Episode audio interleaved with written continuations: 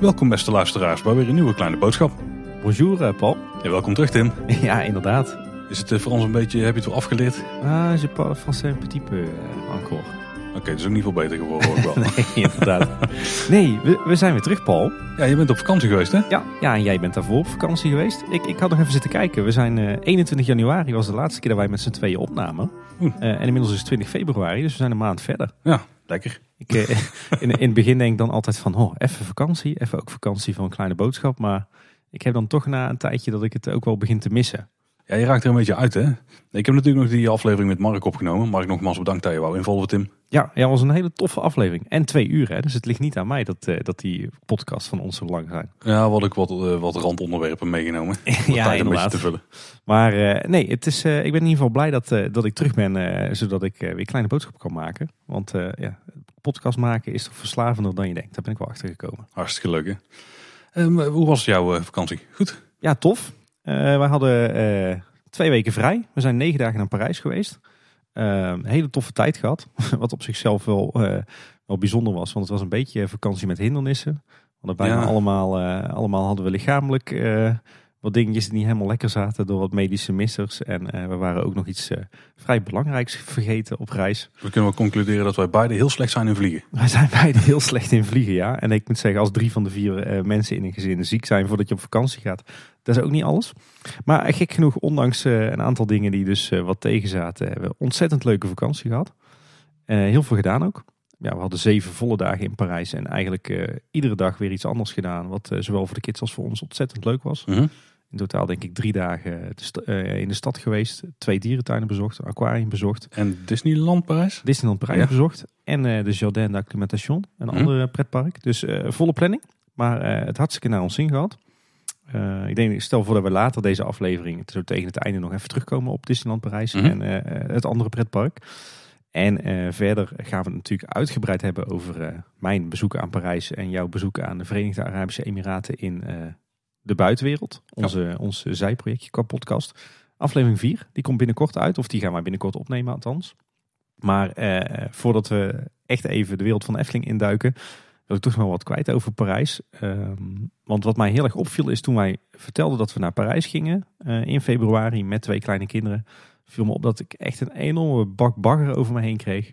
Van wat ga je toch doen in Parijs? Lelijke stad, vieze stad, gevaarlijk, eh onheimisch, eh, totaal niet geschikt met kinderen, niet geschikt met kinderwagen. eh, wat ga je daar doen? Je bent gek geworden. Nou, dat, allemaal dat soort verhalen kreeg ik over me heen. Dat heb je niet van mij gehoord toch? Heb ik zeker niet van jou gehoord.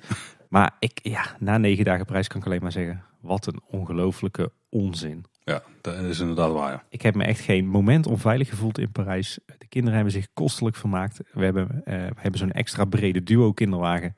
Die kon overal gewoon naar binnen. We hebben alles met, eh, met de bus bereisd. Was ook ideaal.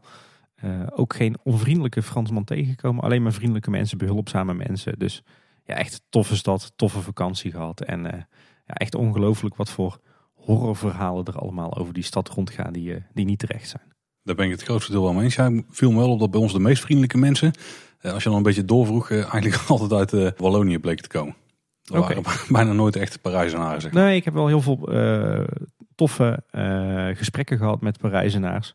Zelfs op een gegeven moment in de dierentuin echt een half uur zitten kletsen met een ander eh, Frans gezinnetje. Maar ik heb ook het idee dat het ook een beetje eraan ligt hoe je die mensen benadert. Als je namelijk zelf je best probeert te doen om een paar woordjes Frans te spreken. En eh, je gaat daarna over in een soort van Engels-Frans. dan, dan word je, ja, hoe moet ik het zeggen, dat wordt heel erg gewaardeerd. Dus ik denk dat het ook een beetje is, kijk ook even naar jezelf. Hoe stel je op? Je bent te gast in hun stad. Stel je dan ook met een bepaalde nederigheid op. En verwacht niet dat je als een soort van eh, koning wordt onthaald of zo. Misschien ligt dat daar Zoals ze hier wel doen. De Fransen die hier naartoe komen. Ja. Ja. Maar, goed, toffe Ja. vakantie gehad. Eh, eh, we gaan het er dus straks nog even over hebben over de parken daar. En in de buitenwereld later. Maar voor nu ben ik ook heel blij om weer terug te zijn bij Kleine Boodschap in ieder geval. Ja, we gaan misschien wel even voorbij aan een eh, groot fenomeen wat hier nou om ons heen gebeurt. Tenminste niet op het moment van opnemen, maar op het moment van dat de aflevering uitkomt. Want het is natuurlijk carnaval hè. Het is carnaval, ja. Dus jij hebt gisteren nog in de kroeg gezeten. Ga jij er wat aan doen? ik eh, ga wel even carnaval ja. Heb jij carnavalsplannen? Ja, ik ga een paar avonden de kroeg in en eh, we gaan met de kinderen nog wat kindercarnaval doen. En twee optochten kijken of zo. We hebben wel uh, activiteit. Uh, rascarnaval. Ja, ik, ik, heb jaren bij een vereniging gezeten. Inmiddels twee jaar niet meer. Maar ook omdat dit een beetje route in Dankzij Kleine Boodschap, ja. Nou, niet per se inderdaad dankzij. Maar het was wel een grote aandeelhouder in de reden waarom. Dus ik heb er wel altijd wel mee gehad. Ja, maar ik was vooral van het creatieve stuk. Hè? Dus van uh, carnavalswagens bouwen en dat bouwen. soort dingen. Ja. precies. Ik heb ook nog, nog andere goede vrienden dat ook doen. Nou ja, wij gaan het dit jaar weer vakkundig negeren. Ontvluchten. Wij gaan het echt ontvluchten, ja. Ik denk dat we dit weekend, dus afgelopen weekend als je deze podcast luistert, dat we nog wel even een dagje naar de Efteling gaan. Ja, dan kan je, krijg Niet naar Carnaval Festival. ja, dat misschien nog wel. En we hadden een dagje Plaswijkpark in Rotterdam hebben we op de planning. Plaswijkpark, ik weet niet wat het is, maar hoe kom je daar? Ik ben er ook nog nooit geweest, maar dat is een soort stadspark in combinatie met een soort uh, kinderboerderij, halve dierentuin, met een binnenspeeltuin, met uh, educatieve dingetjes, met uh, een soort beleefwereld voor de kids. Volgende nieuwsaflevering, een verslag van één minuut maximaal.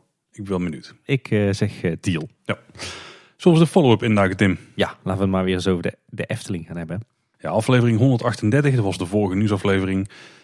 Toen hadden we het over dat uh, Moritz dat hij bij het remmen energie gaat opleveren. En dat ze dus terug gaan leveren naar het net. Uh, was ons niet helemaal duidelijk hoe dat precies ging. We kregen van Rick Mertens daar wat input over. Die schrijft, een powered coaster remt inderdaad elektrisch. Door stroom te vragen aan de motoren, remmen in plaats van stroom te sturen, versnellen. Kun je de remkracht dus regelen. Wat je met de remenergie doet, kan je zelf bepalen. En het is niet standaard of zo dat je het teruglevert. Dus doet de Efteling dan wel. Dus best wel netjes.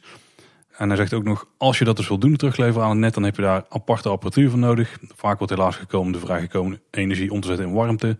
Door gewoon weerstandsbanken, vergelijkbaar met een soort gourmetstel uh, te hebben. Dus dan ga je dat als warmte dus echt uitstoten. Ja. bijzonder. Ja. Om die, uh, die, die remenergie kwijt te kunnen. Ja. Uh, jullie hadden het ook nog over de, de nieuwe seizoenspannenkoek bij Polles Keuken. Of was het een, gewoon een nieuwe vaste pannenkoek? Volgens mij seizoenspannenkoek, ja. met, met carpaccio. En daar wolgden jullie een beetje van, hè, van warme carpaccio. Uh, er kwam een reactie van Gertjan Aalpoel. Die schrijft, de foto ben ik vergeten, maar de carpaccio ligt bovenop een mooie buffer van rucola sla, waardoor hij lekker koud blijft. Zo gaat hij prima samen met de warme pannenkoek. We hadden het ook nog de vorige aflevering over die nieuwe Coca-Cola machines, waar je dus zelf je, je drankjes kunt kiezen. We melden dat er eentje stond in Tilburg, maar ook als je in de regio Den Bosch zit, dus ook in de buurt van Efteling, dan kun je ze ook bij de View bioscoop uh, checken daar. Ook daar hebben ze de, me de ook de zero variant. En ze hebben ranzige kartonnen rietjes. Dus wat de Efteling gaat doen, ben ik wel benieuwd. Ja, ja, die reactie kregen we van Erwin Scheper. Ik moet zeggen, ik keek wel een beetje raar op van dit nieuws toen ik, uh, toen ik jullie terugluisterde. Want ik denk, ja, in we leven in 2020. Uh, eh, we zijn met z'n allen bezig uh, over gezond leven. niet te veel suiker, niet te veel frisdrank. Kinderen mogen alleen nog maar water mee naar school. en dan gaat de Efteling een automaat introduceren met 100 soorten van de meest ongezonde frisdrank die je kan bedenken. Ik denk dat er ook wel gewoon een soort spaarrood variant in zit. Maar... Ja, ik vond het een bedenkelijke stap. Ik denk ja, in deze tijd, eh, als je dan zoiets doet, kom dan met een, uh, een fruitsap of een smoothie uh, automaat in plaats van een cola automaat. Ja, maar die zijn nog niet zo fancy hè? Ja, nee, het, zal wel een, een, commercieel dingetje zijn, maar ik, ik vond het een rare stap in, in de huidige tijd. We kregen nog wel iets meer info over dit hele concept van Melvin Blootshoofd. Die schreef dat ik aangaf dat het wellicht niet commercieel interessant zou zijn, want mensen dan telkens kleine beetjes gaan proeven. Uh, dat was volgens mij weer een operationeel ding. Maar hij schrijft ook, ik verwacht dat de Efteling met een beker gaat werken die met een RFID-chip werkt. Net zoals een Europa Park. Die chip wordt dan bij de kassa geactiveerd voor één drankje of voor de refill. Waarbij de refill natuurlijk aanzienlijk duurder is, maar ik denk dat die goedkoper is bedoeld. Ik denk dat die goedkoper bedoelt, ja. Uh, het gebruik van zo'n chip zorgt er ook voor dat gasten niet hun eigen bekers kunnen vullen. Dat is wel een goed punt, ja. Ik, ik zag dat laatst trouwens ook, hoorde ik dat ook ergens. Er was ook zo'n systeem en dan kreeg je ook een beker met een chip erin. Ook dat die je kon refillen dan bij? Ja, ja, ja, ja, inderdaad. Ja, daar werd die, uh, die chip gebruikt zeg maar, om te voorkomen dat, je, uh, dat iedereen uh, allerhande bekers onder de tap kon gaan hangen. En we hebben ook nog wat follow-up over aflevering 139. Dat was onze audiotour over het Loonse Land. Waarvan het mij achteraf trouwens opviel dat die zo kort was. Die was maar drie kwartier of zo, hè? Ja. ja een hele korte kleine boodschap. Ja. Hebben er iets langer opgelopen natuurlijk. Hadden we toch in die speeltuintjes moeten duiken, hè? Ja, eigenlijk wel. En die ook moeten beschrijven dan. Ja. Ja, want daar waren we ook weer, eh, daar zijn we legendarisch in het plattegrondje vergeten met de wandelroute. Daar kwamen we nu zelf achter en hebben binnen een dag gecorrigeerd volgens mij. Dus eh, die kun je daar eh, checken. Ja, even een blik achter de schermen voor de luisteraars. Ik had dus die plattegrondjes in klad gemaakt terwijl we die wandeling deden. Ik heb die aan jou gegeven, Paul. Hier heb je deze. Toen zei hij nog, nergens voor nodig Tim, want ik klus die plattegrondjes meteen in elkaar. Ja? Nou, dat meteen stukjes gelust, is mislukt. Maar ik heb ze wel uit mijn hoofd goed gedaan, hè? Ja, zag je? Ja, ja. ja, we stonden toen ook bij het Loonse Landhotel. En toen beschreven die bakstenen, of in ieder geval die grote stenen die in de onderlaag zaten. daar hadden we toen al wat discussie over, want daar had ik al ooit wat dingen over gehoord, maar ik wist de details niet meer. En ik ben er inderdaad nog door op mijn, of over op mijn vingers getikt door iemand die daar wel kennis van had. Ja, want die stenen zijn dus wel echt stenen. Mhm. maar het zijn niet volledige stenen, zeg maar. Dus als je zeg maar, zo'n steen zou voorstellen hoe diep die de muur in gaat, zo diep is hij niet. Waarschijnlijk zijn het halve stenen. Ja. En die zijn dan daar dus als onderlaag gemetseld. En die blijken ook ontzettend duur te zijn. En daarom is ook niet het hele hotel ermee gedaan, maar alleen de onderkant. Maar die zijn dus met de hand gemaakt. Dus die zijn met de hand in mallen gedrukt en afgebakken en uh, naar de Efteling verscheept. En daar uh, ja, opgestapeld dan, denk ik. geen kunststof in ieder geval. Nee, nee zeker niet. Nee. Maar ze klinken inderdaad wel een beetje vreemd als je erop op klopt. Hè? Dus zijn misschien wel ergens opgeplakt op de plaat. Ja, ik heb toch het vermoeden dat, uh, dat ze die stenen inderdaad uh, over de helft hebben gezaagd. En dat ze die hebben verlijmd op een soort van plaat. Uh, en dat ze die platen vervolgens ja, zeg maar prefab tegen het gebouw aan hebben bevestigd. En dat daarom die stenen, ondanks dat ze echt van steen zijn, dat het toch zo hol en, klinkt en er wat, wat namaak uitziet, zeg maar. Nou. We krijgen ook nog wat meer informatie over als je bij een van de vakantieparken van Efteling verblijft. Ja. Het is namelijk een, ja, ik weet niet of het een nieuw concept is, maar in ieder geval een ons onbekend concept van het receptieloze verblijf. Rick Mechters schreef ons daar namelijk over. Die zei, wanneer je langer dan een week van tevoren boekt, dus geen last minute, dan krijg je netjes op tijd van tevoren je sleutelkaart opgestuurd als je dit doet. Ja, dat wist ik. En als je dus via de Efteling website boekt en je kenteken invoert, dan gaan de slagbomen ook bijvoorbeeld ook automatisch open bij de parkeerplaats. En als je dan dus wil, dan kun je dus verblijven op zo'n park zonder dat je de receptie ooit ziet. Ik uh, was daar niet helemaal van op de hoogte dat ik kon. Nee. nee, ik wist het ook niet. Uh, Rick die vraagt ook om onze mening. Uh, nou, ik moet zeggen, in eerste instantie was mijn reactie van... Ja, toch jammer, want er gaat niks boven persoonlijk contact en het stukje gastvrijheid. Maar Rick die schrijft zelf ook dat het wel heel praktisch is met kinderen. En ja, bij nader inzien ben ik dat ook wel met hem eens. Want ja, als je natuurlijk van wat verder weg komt en je zit met kids en openbaar vervoer of de auto... Je zit met de slaapjes, met, met het eten en drinken. En niks zo irritant als dat je dan een kind hebt wat eten moet of wat moet gaan slapen. En je moet dan eerst nog een half uur bij zo'n receptie in de wacht staan. Dus op zo'n moment is het inderdaad ook wel heel relaxed, lijkt mij, dat je meteen door kunt rijden naar je huisje. En het is ook best wel praktisch, want je hebt een stuk minder parkeerplaats nodig. Tenminste, ligt een beetje aan het park. Hè? Als ik nou even niet specifiek alleen naar de Efteling kijk. Want je zit ook bij andere parken. En dan heb je dus uh, ja, een paar parkeerplaatsen bij de receptie, zeg maar. Dat moet je misschien zijn als je wel vragen hebt of zo. Maar de meeste mensen die kunnen gewoon meteen het park op naar een huisje naar de spullen lossen. Dat geldt trouwens in Efteling ook. En dan parkeer daarna je, gewoon je auto. Dus je hebt ook veel minder wachttijden en zo. Uh, en een plek nodig voor auto's op plekken waar je die misschien niet wil hebben. Ja, ja dus het is, het is veel praktischer. Zeker met, uh, met kleine kinderen. Aan de andere kant, ja, ik mis dan dat persoonlijke contact, denk ik toch wel een beetje. Ah, maar je kan dan altijd nog even naar de receptie lopen en dan een klacht indienen op iets. Dat is waar. Nou, klacht indienen, complimentje maken. Oh, dat kan ook, hè? Ja. Het ging zo soepel de receptieloos inchecken. Ja, precies. dan gaan we de hoofdonderwerpen bekijken, Tim. Ja, en we hebben eindelijk weer nieuws over ons meest favoriete onderwerp, het bestemmingsplan. Ja, ja, ja, ja. Nou, het is een populair onderwerp, maar of het ons favoriete onderwerp is, weet ik niet. Want we hadden er onderhand wel af, vanaf willen zijn. Hè? Ik zit nog steeds te wachten op de aflevering waarin we te, te horen krijgen van de Efteling uh, wat er allemaal op Strookrijk gaat verschijnen. We weten misschien wel ongeveer wanneer dat gaat zijn, Tim. Ja, dat vind ik nog vrij uh, gewaagd, die uitspraak. Maar... Nou, we hebben in ieder geval de, de, de datum waarop ongeveer duidelijk zou kunnen horen wanneer dat gaat zijn, die, uh, die is wel bekend. Ja, je zou kunnen zeggen dat er weer een, een echte mijlpaal bekend is in de hele procedure om te komen tot de wereld van Efteling 2030. Nou, die staat op de agenda in ieder geval, ja. want dat vindt pas plaats in juni. Ja, dinsdag 9 juni om 10 uur is de zitting van de Raad van State over de bezwaren die zijn ingediend tegen het bestemmingsplan van de wereld van de Efteling. Ja, en uh, heel tof denk ik. Wij gaan er naartoe hè? Wij, uh, wij gaan proberen om er uh, samen bij te zijn en om de, de zitting bij te wonen. misschien wat opnames te maken en om er een verslag van te doen van tevoren en na de rand. Ja, het, en, het, enige punt is dus wel dat de uitslag zelf niet die dag komt. Dus we zijn daarbij om verslaglegging te doen van hetgene wat daar gebeurt. Zijn we onszelf ook wel een beetje verplicht naar alle ja, die we erin hebben gestoken met erover praten. Uh, maar de uitslag zelf die komt dan pas uiterlijk zes weken later. Die gaat in principe per post naar de mensen die ermee gemoeid zijn. Maar die is ook uh, direct beschikbaar online. Dus dan kun je het daar checken. Volgens mij kondigt de Raad van State ook iedere woensdag aan welke uitspraken die dag uh, tevoorschijn komen op de, op de website. Dus hou daar gewoon in de gaten. Wij doen uiteraard ook. Ja, en we staan inmiddels op zo'n goede voet met de afdeling persvoorlichting van de Raad van State. Dat we volgens mij uh, wel een mailtje of een telefoontje krijgen tegen de tijd dat uh, er een uitslag bekend is. Ik heb zo'n vermoeden dat dat wel zo gaat zijn. Ja. uh, we kregen ook nog een vraag van Fenna. Mijn vraag voor de volgende aflevering. Wat als de Raad van State later dit jaar groen licht geeft voor het strookrijk? Kunnen we daarbij goedkeuring meteen bouwwerkzaamheden gaan zien of moeten we nog wachten tot er andere procedures worden gestart? Nou, ik denk dat als de Efteling groen licht krijgt, dat we dan misschien zelfs wel diezelfde dag in ieder geval concept art gaan zien. Eh, ik denk niet dat ze dan meteen sparen in de grond gaan doen, want er moet wel iets meer voor geregeld worden. Ik denk dat ze misschien wel een, een bedrijf stand-by hebben staan. Nou, Ik weet in ieder geval dat als een jaar geleden, want het was, het was precies een jaar geleden, met carnaval ook, de vrijdag voor carnaval, eh, vorig jaar, tw- 2019. Toen eh, er ook een zitting was van de Raad van State, waarbij er ging volgens mij over die voorlopige voorziening, die toen werd toegekend uiteindelijk.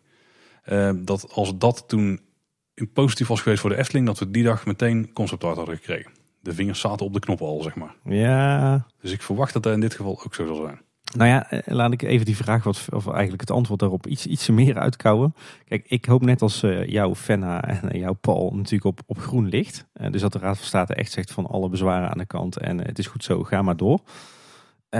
Even heel reëel, ik denk niet dat de Efteling rood licht krijgt van de Raad van State. Ik denk eigenlijk ook niet dat de Efteling echt meteen groen licht krijgt. Eh, een beetje de uitspraken van de Raad van State kennende zal het wel een beetje een oranje licht zijn in de zin van nou Efteling, u mag door, mits u puntje, puntje, puntje. Dus ik denk dat zij nog wel wat kanttekeningen hebben en wat, wat opmerkingen. De vraag is dan even of ze van die aard zijn dat ze echt terug naar de tekentafel moeten. Of dat het wat, wat, wat, eh, wat voorwaarden zijn waar ze nog aan moeten voldoen. Eh, even ervan uitgaan dat de Efteling niks meer aan de plannen zou moeten veranderen. Eh, dan is de eerstvolgende stap is het indienen van eh, de aanvraag omgevingsvergunning. Zoals dat dan zo mooi heet. Dus eigenlijk de reguliere bouwaanvraag. Ik denk niet dat ze dat diezelfde dag zullen doen, maar wel binnen een paar dagen. Ik denk echt wel dat ze de stukken klaar hebben liggen, grotendeels. En daarna gaat, moeten die bouwtekeningen nog worden beoordeeld en, en de berekeningen en andere stukken. Daar heeft de, de gemeente maximaal acht weken voor. Eh, binnen die acht weken moet daar een eh, vergunning gaan komen en dan duurt het nog zes weken voordat die vergunning onherroepelijk is. En als de gemeente dus akkoord gaat met de vergunningsaanvraag en er komen geen bezwaren, dus hij is ook nog eens eh, onherroepelijk, dan is er, mogen ze binnen maximaal 14 weken na indienen van de vergunningsaanvraag, mogen ze starten met bouwen. En voorbereidend werk, zoals de oude horst echt helemaal weggehaald, wat, wat, wat, alvast wat plekken graven, wat leiding, wat, wat verdeelkasten neerzetten of zo. Eh, alles waar geen vergunning voor nodig is, mag je doen. Dus dat, is, dat dat betekent eigenlijk, eh, met, met de Nederlandse wetgeving, betekent dat je vrij weinig mag doen tot je echt vergunning hebt. Zo klinkt het inderdaad, ja. Hm. Dus eh, het, duurt, het zou kunnen dat ze diezelfde dag na uitspraak van de Raad van State meteen met concept art komen. Maar ik denk dat ze daar even een paar dagen mee wachten. Ik denk dat ze eerst het, het vonnis van de Raad van State gaan bestuderen. Dan echt gaan kijken, kunnen we hier nou echt mee door? Kunnen we hier echt een klap op geven? Eh, dan eh, de vergunningsaanvraag indienen bij eh, de gemeente. En diezelfde dag naar buiten met de plannen. En daarna duurt het dus nog max 14 weken voor ze echt mogen starten. En dan, dan moet er een, een heleboel gebeuren voor ze echt kunnen gaan bouwen. Maar tegen die tijd dan zullen we daar nog wel eens wat over vertellen. Wat er dan allemaal nog moet gebeuren in dat gebied. Het eerste gebied wat Efteling gaat ontwikkelen als ehm, dit doorgaat, hè, het bestemmingsplan, dat is natuurlijk strookrijk. En ik heb nog steeds vermoeden dat een van de aanlooproutes daar naartoe, dat die in Ruigrijk ligt. En dan zo links naast de station de Oost. Ja, maar dan ligt er wel een beetje iets in de weg. Ligt een beetje iets in de weg, ja. Dat is een van jouw favoriete attracties in het park. Nee, niet echt. Nee, Polka Marina ligt er natuurlijk. En je hebt wel eens een paar keer eh, geroepen van, ja, dat is echt wel zo'n attractie, die zou ik niet per se missen. Nee, ik denk dat die in mijn eh, top 3 staat van eh, als eerste te slopen attracties. Misschien kunnen we later dit jaar gaan kijken of dat, dat, dat je die echt niet gaat missen. Ja, laten we iets minder in raadsel spreken. Eh, we vangen steeds meer en steeds hardnekkigere geruchten op. Eh, namelijk dat Polka Marina zou gaan verdwijnen eh, eind 2020. Dus aan het eind van dit jaar. Nou, of ergens dit jaar in ieder Ja. geval. Ja. Daar zijn wij normaal gezien niet echt van de geruchten. Daar heb je andere websites voor. Maar dit hebben we nu zo vaak binnengekregen via verschillende kanten dat we het niet konden laten liggen. En het sluit ook wel een beetje aan bij dingen die we zien in het park. Namelijk eh, de staat van onderhoud van Polka Marina is op sommige punten echt heel schrijnend. Dat je eigenlijk op een punt staat dat je denkt van ja, dit, dit kan eigenlijk echt niet meer. En een eerdere onderhoudsbeurt van Polka Marina is eh, redelijk last minute geannuleerd. En hij staat ook niet meer op de onderhoudskalender. Hm, ja. En dat kan er natuurlijk wel op duiden dat ze nu zeggen van nou we draaien hem nog even een paar maanden en daarna gaat hij toch plat. Dus we gaan er geen geld meer in steken om daar ook nog maar enige vorm van onderhoud aan uit te voeren. Maar waarom zouden ze dan wachten? Nou, ik kan me voorstellen, ze, ze kunnen nu natuurlijk niks. Ik bedoel, er is nog geen bouwvergunning aangevraagd. Er is misschien nog, eh, de, vraag is ook even, komt er iets voor terug? Ik denk dat er wel iets voor terug gaat komen. Ehm, ja, en zolang dat er nog niet is, denk ik dat ze er nu nog voor kiezen om nog even een zomerseizoen door te draaien. Misschien zijn ze nog bezig met, met voorbereidende werkzaamheden, met ontwerpwerk. Dan, denk ik, dat je- dan, dan kan ik me voorstellen dat je zegt, laat nog maar even staan. En als er iets voor terugkomt, waar zou jij graag zien? Kort hè? Kort, ja.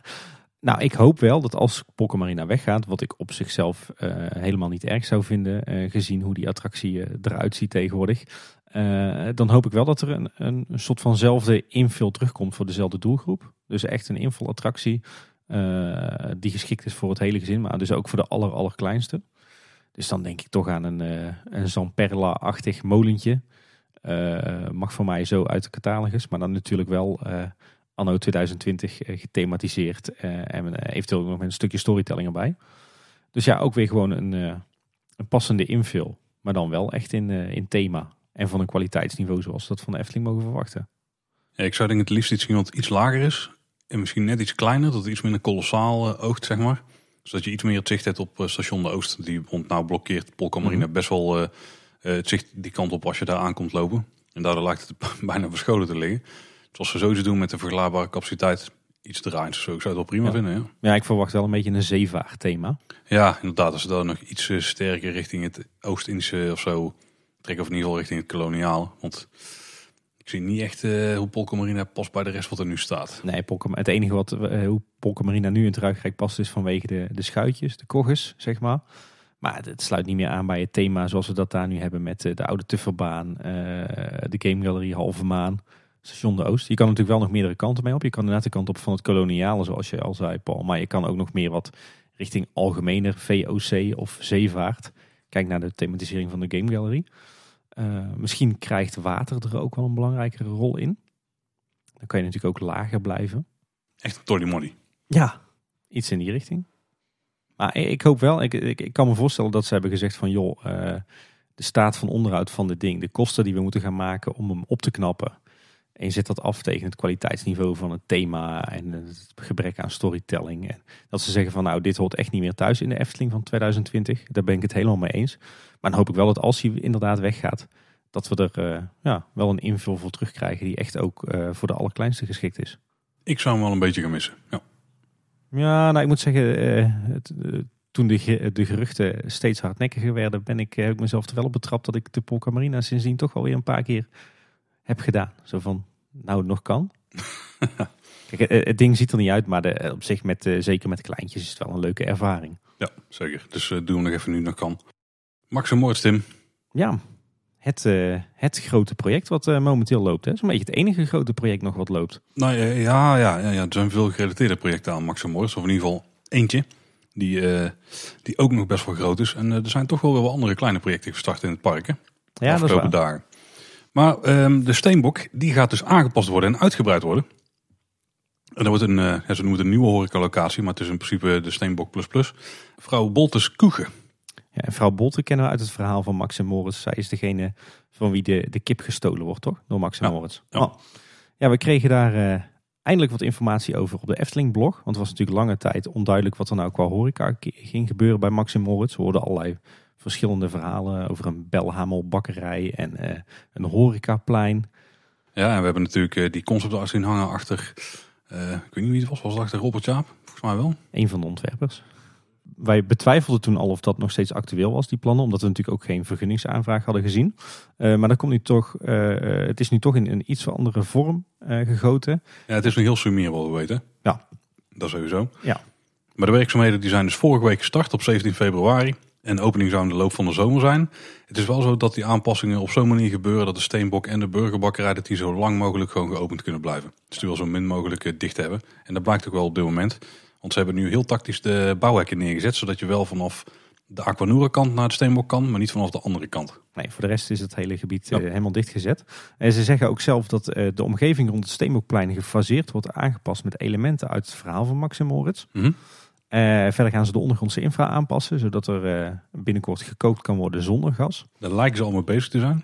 En eh, verder is een qua aanbod de belangrijkste wijziging dat er naast frieten en snacks in de toekomst ook diverse kipsnacks verkrijgbaar zijn. Wat natuurlijk mooi aansluit bij het verhaal van vrouw Bolten. Je kan daar in principe twee kanten mee op. Je kan een beetje de KFC kant op, dus gepaneerde kip vol een bak in een frituur. Of je pakt gewoon wat verse, tenminste vers, je pakt kip aan het spit of zo. Dat soort Ja. dingen. Ik hoop zelf eigenlijk op eh, kip aan het spit. Maar ik denk eh, dat we richting de chicken wings gaan. De chicken nuggets en eh, die kant op. Ja, en de chicken strips en alles eh, chicken. ja precies. Eh, Ik heb bijna voorkeur. Be- Beide zou helemaal mooi zijn. Als specialiteit de kip aan het spit en dan gewoon nog wel extra dingen uit de frituur. Gewoon een halve maan weg zitten puzzelen eh, Halve in de maand. Efteling. ik Heel, heel de halve boot. maan. Doe maar een halve haan dan. Die Ja. eet misschien net wat makkelijker weg. Ehm, ja, op zich denk ik een, een goede toevoeging. Ik heb wel het gevoel eh, dat het eigenlijk gewoon een soort van herthematisering en misschien een kleine uitbreiding van de Steenbok gaat zijn. En niet heel veel meer dan dat. Dat is toch wel bijzonder, hè? want de Steenbok is niet een van de oudste horecalocaties of zo. Tenminste, het is wel een oude horecalocatie, maar die is een, ah, wat is dat, nog geen van een jaar of 15 geleden aangepakt. Nou ja, de, de restyling naar de, de huidige thematisering die stamt uit 2012. Dus Oh. die is nog van recenter datum. Zo, dat is maar acht jaar geleden. Ja. Dat is wel heel erg snel een omkeer van het, eh, het thema. Ja. Ja, ik vraag me wel af in hoeverre ze het gaan aanpassen. Want we hebben nog niks van Concept Art gezien. We hebben ook nog niks beschreven gehoord of zo van hoe het, eh, hoe het gaat worden. We hebben wel eerder geruchten opgevangen dat er wat ging gebeuren met het restaurant. Maar, of tenminste met het, snack, eh, het snackpunt. Maar dat klonk toen wel heel anders dan wat het nu lijkt te gaan worden. Want ja, we hebben nog inderdaad geen vergunningen gezien. Dus Nee, er is geen vergunning aangevraagd. Flinke aanpassingen, ja. Dat, dat geeft mij ook een beetje de indruk dat het echt alleen maar cosmetische aanpassingen Mhm. gaan zijn. Dus echt een, een omthematisering. Aan de andere kant, ja, er, er, er zijn zoveel verhalen geweest. Die Belhamelbakkerij natuurlijk, dat horecaplein. Eh, Het lijkt er haast op alsof dit een soort van uitgeknepen, gekaasschaafde variant is van eerdere plannen. Nou, we hebben daar ook nog het Steenbokplein waar we het dus over kunnen hebben. Daar gaan ook nog wat dingen gebeuren natuurlijk. Maar dit lijkt inderdaad gewoon een, een restyle. Eh, er zijn ook wat mensen die hebben aan de Efteling gevraagd van wat gebeurt er nou met de Belhamelbakkerij. Eh, maar daar zegt de Efteling eh, echt helemaal niks over. En sowieso laten ze ook geen tekeningen zien. Dus het, het lijkt erop dat op de een of andere manier wordt gewacht tot een ander moment eh, voor ze echt naar buiten treden met tekeningen of plannen. Misschien een aankomende making-of. Later deze Ja, week. Zou kunnen. Er wordt in ieder geval momenteel eh, hard gewerkt. Het, het hele Steenbokplein staat in de hekken. En het is echt compleet opgebroken nu. Eh, er stonden ook een aantal grote bomen rond eh, dat plein, rond het voormalige grasveld. Die zijn allemaal gekapt. Het is nu eigenlijk één, eh, één grote zandvlakte. Eh, waar ze nu mee bezig zijn vooral, eh, daar lijkt het op, is met eh, het graven van eh, kabels en leidingen. Eh, er is ook een doorsteek gemaakt naar de Karpervijver. Dus ik kan me zomaar voorstellen dat, eh, dat ze het hemelwater wat ze opvangen op het nieuwe plein, dat ze dat eh, rechtstreeks de Karpervijver in, eh, inlozen. En ze hebben nu inderdaad nog wel een kleine corridor opengelaten naar de Steenbok zelf. Eh, maar ja, het is echt een enorme kaalslag daar nu. Het is echt nu een, een, een soort van woestijn Ja. in de Efteling. Ja. Ze hebben echt alle stenen er gewoon uitgetrokken. Het is nu echt een kale vlakte en die boomwortels zijn ze aan het verwijderen.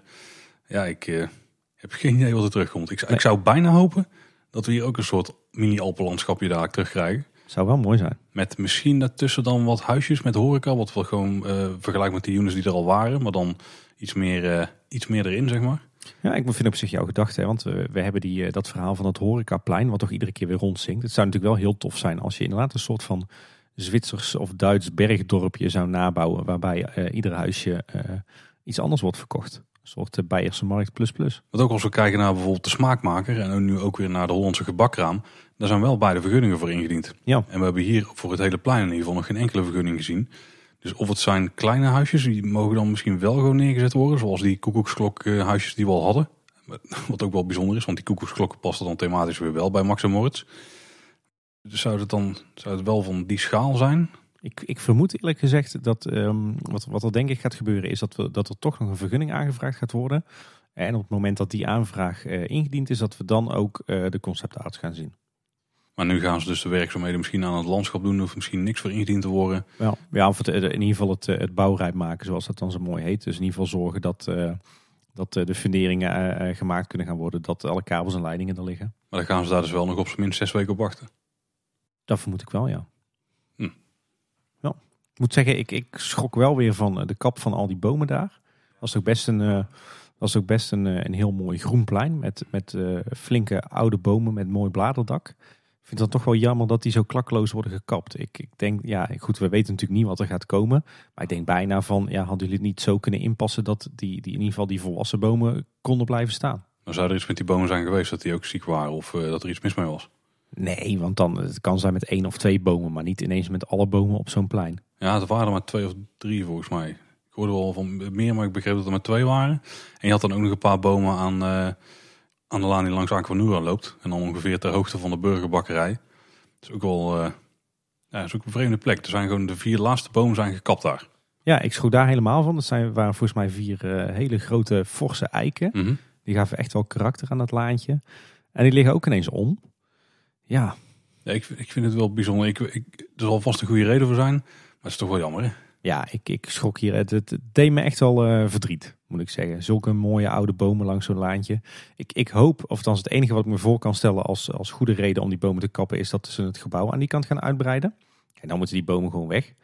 Maar ik hoop niet dat die gekapt zijn voor eh, een of ander terras of eh, een vlonder of een overkapping of iets in die geest. Want dan denk ik, had alsjeblieft om die bomen heen gewerkt. Ja, ik hoorde wel geruchten dat er misschien wat aan de infrastructuur daar wordt veranderd. Dus ook aan de paden. Ja, maar goed. Dus ik ben heel erg benieuwd wat dat dan gaat zijn. Ik, eh, nee, ik, het doet mij wel een beetje zeer. Ik, ik hoop dat er echt een goede reden is waarom die bomen gekapt zijn. Maar ja, feit is in ieder geval dat er, eh, dat er eh, behoorlijk wat werk eh, verzet gaat worden rond de steenbok. En dat we eigenlijk nog vrij weinig weten. Dus het blijft vooral bij speculeren. Ja, bij Max en Moritz hebben we wat informatie gekregen over de muziek. We hadden weer een eh, making-of aflevering met René Merkelbach. Dat is altijd mooi, hè? Vind het altijd mooi. Dus een kijkje in de studio nemen. En dan eh, een beetje meekrijgen hoe ze die muziek daar eh, maken. Ja, en wat heel tof was, was dat er deze keer nu ook eindelijk eh, een beetje aandacht was voor zijn collega's, voor zijn studiogenoten. Voor Rosalie en voor Marco Kuipers.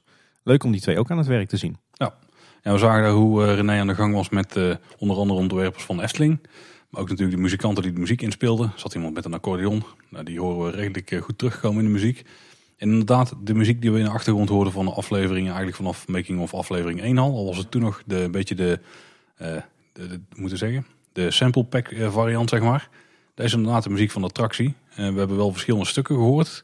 En we hebben nu vooral, denk ik, ik, ik weet niet wat dit voor themaatje is. Was het denk ik de achtbaan Ja. eh, muziek, hè? Ja, daar, daar hadden ze het wel heel erg over, over de timing daarvan en hoe dat ze dat dan opnamen. Sowieso weer leuk om een inkijkje te, krijgen in eh, de studio van René. Dat eh, is altijd wel leuk en interessant. ja. Maar eh, wat vond je van de muziek en van de andere geluidseffecten die werden benoemd? Tim, ik ging op twee gedachten. Alweer? Dat zijn mijn, is mijn tekst, Paul. Ik had hem ook heel bewust van jou. Nou, het scheelt, ik ging deze keer niet op twee gedachten, maar daarover meer. Nee, dat had ik ook niet anders verwacht. nee, ik, ik vind het denk ik wel passen bij het geheel. Hè. Het is allemaal eh, lollig en dat soort, en dat soort fratsen. En dat komt er heel erg in terug. Niet per se helemaal, denk ik, de muziek die ik ook opgezet als ik aan het werk ben of zo. Er zitten wel elementen die me wel heel aanspreken in de muziek. Maar dan wordt er wel weer een beetje onderuit gehaald met wat ja, simpele, weet je, van die eh, bijna Laurel en Hardy eh, ja, geluidseffecten of zo, weet je wel. Of, ja. het zijn wel instrumenten, maar die, dan, die het dan net iets, misschien net iets te slapstick maken. Maar dat is in ieder geval bij deze stukken, eh, waar het hier vooral om ging. Dus volgens mij was dit de muziek die in de voertuig hoort bij een van de twee banen.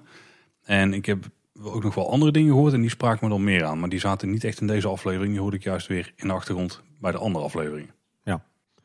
Ja, ik moet zeggen, ik- ik vind het een moeilijk project om te volgen. Of eigenlijk om een mening over te vormen. Want eh, ja, jij zei het de vorige aflevering eh, bij- met Mark ook al.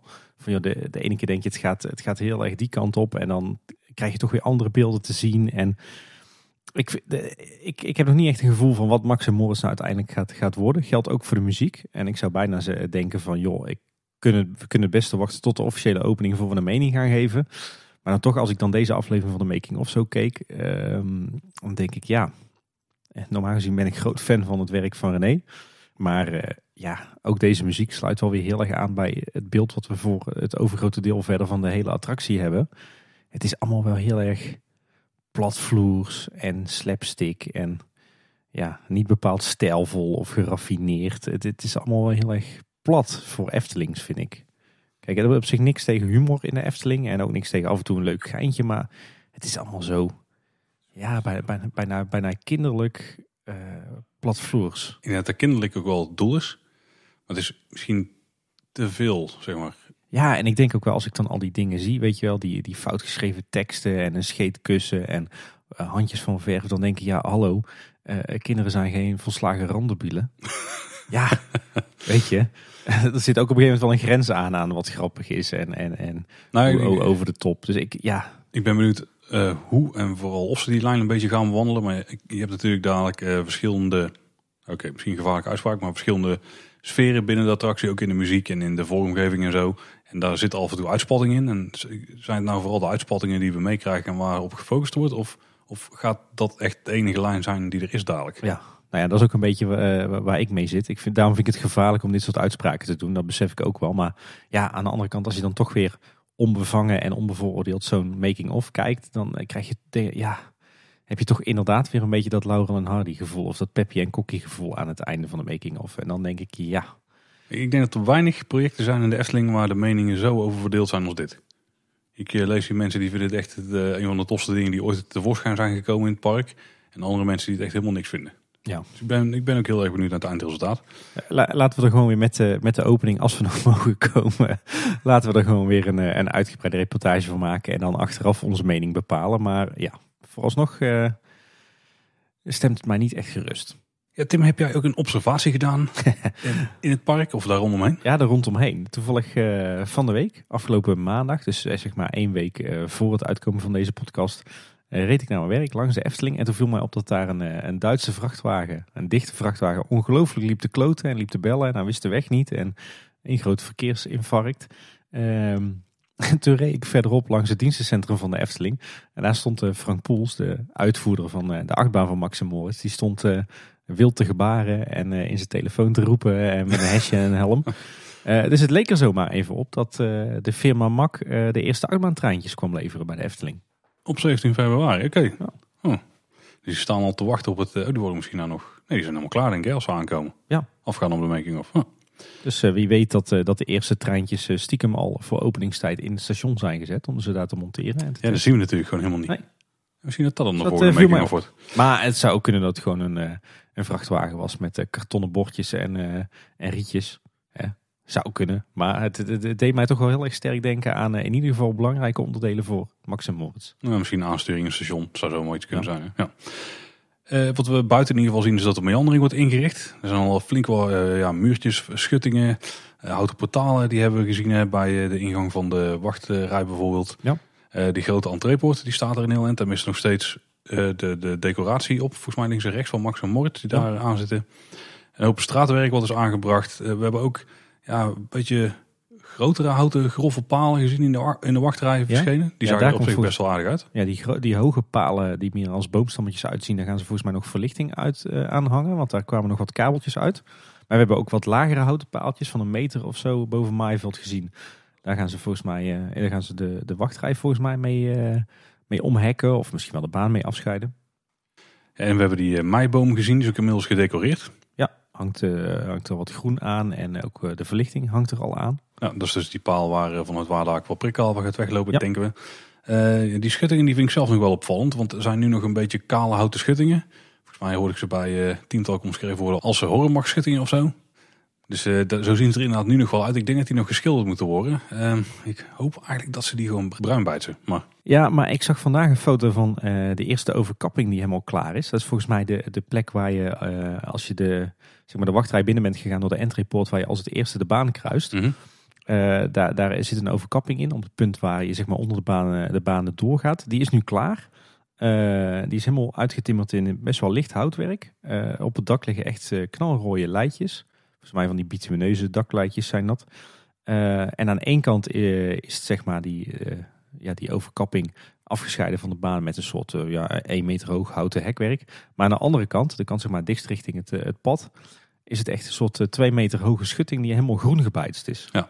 Donkergroen. Ja, met toch wel houten balken er wel op of, of, planken of net wat dan ook. Dus volgens mij sluit dat wel redelijk aan bij de conceptarts die we gezien hebben. En ja, zouden daar dan nog al die graffiti op moeten komen? Ja, zou het ook aan de buitenkant komen? Want die zie je bijna niet, hè? want je komt niet aan die kant op. Ja, aan de binnenkant. Ja, dat zou kunnen. Ja, ja wat, wat we namelijk uh, in die conceptart zagen, waren die heel fel gekleurde, heel schots en scheve schuttingjes. Ja. De schuttingen die er nu staan, die hebben wel die planken die wel los van elkaar zitten. zijn geen uh, naadloos aansluitende planken, zeg maar. Als ze die in al die felle kleuren gaan doen, dan wordt het wel heel veel. Want die staan heel veel, die schuttingen. Ja. Of die, ja, die, die afrasteringen. Ben benieuwd. Ik uh, ben ook heel erg benieuwd naar. Overigens is het, het stalen frame voor wat het scheetkussenorgel lijkt te gaan worden. Uh, is ook gemonteerd. Daar zit ook een grote elektrakast uh, in verwerkt. Dus uh, die zal waarschijnlijk zijn voor de aansturing van het, het geheel. Dus die is jammer genoeg niet geschrapt. Ja, en wat we ook al zien is dat er heel veel lampen zijn geplaatst. Hè? Heel veel armatuur. Ja. Best wel, eh, ja trouwens. Ja, er zitten een paar van die knoppen op de, de kapje op de bovenkant, zeg maar. Ja. Die kan ik niet helemaal volgen. Nee, ja, ze zijn op zich, het zijn gethematiseerde armaturen, maar het steltje eh, ja, is niet direct wat ik bij een Duits bergdorpje verwacht. Nee, ik kon niet helemaal volgen wat de relatie was met die, die, die ja, die, hoe noemen? Die doppel die erop zit ten Nee. opzichte van het thema. Maar, hm.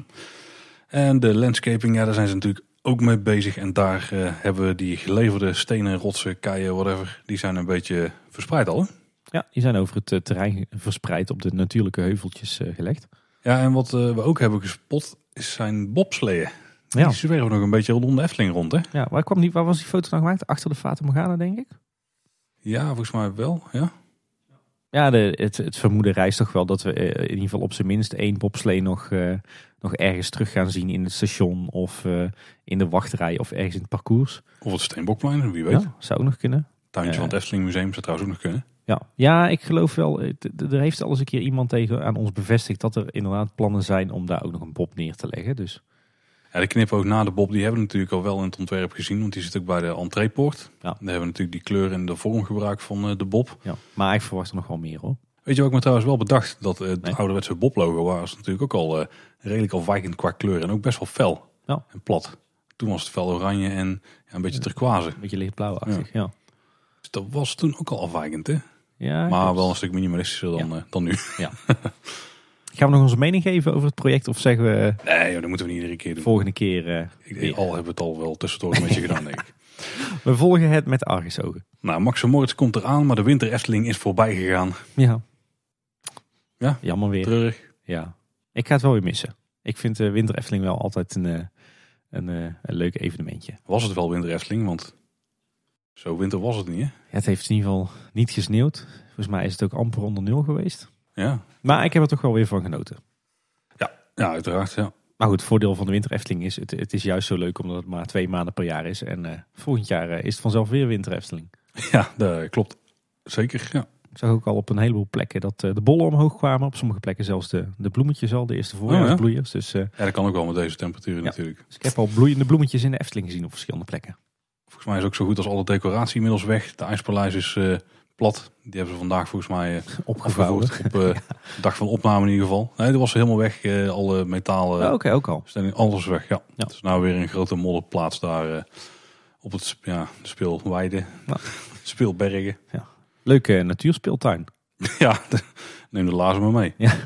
En eh, ja, officieus is nu dus de lente Efteling begonnen. En dat betekent ook dat er weer eh, nieuwe plattegrondjes zijn. Die hadden we natuurlijk al gezien in, eh, in de app.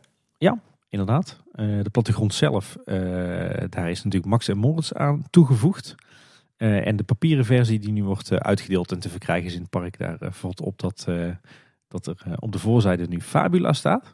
Mhm. Niet de zes zwanen zoals eerder het geval was, maar Fabula. En dat er een soort van knaloranje banier op de voorkant staat. Voor Fabula. Eh, nee, gewoon met plattegrond erop Oh, en, zo, eh, ja, de ja. beschrijving. Dus eh, verzamelaars, verenigt u. En eh gaan we een setje, een setje plattegrondjes eh, bemachtigen. Ja, waar we ook wat activiteit rond zien is rondom Vrouw Holle. Eh, er is inmiddels een vergunning aangevraagd voor het herbouwen van het huisje. Maar niet alleen het huisje blijkt. Nee, want ik las gisteren ineens eh, dat het ging om het bouwen van een nieuw huisje met waterput voor vrouw Holle.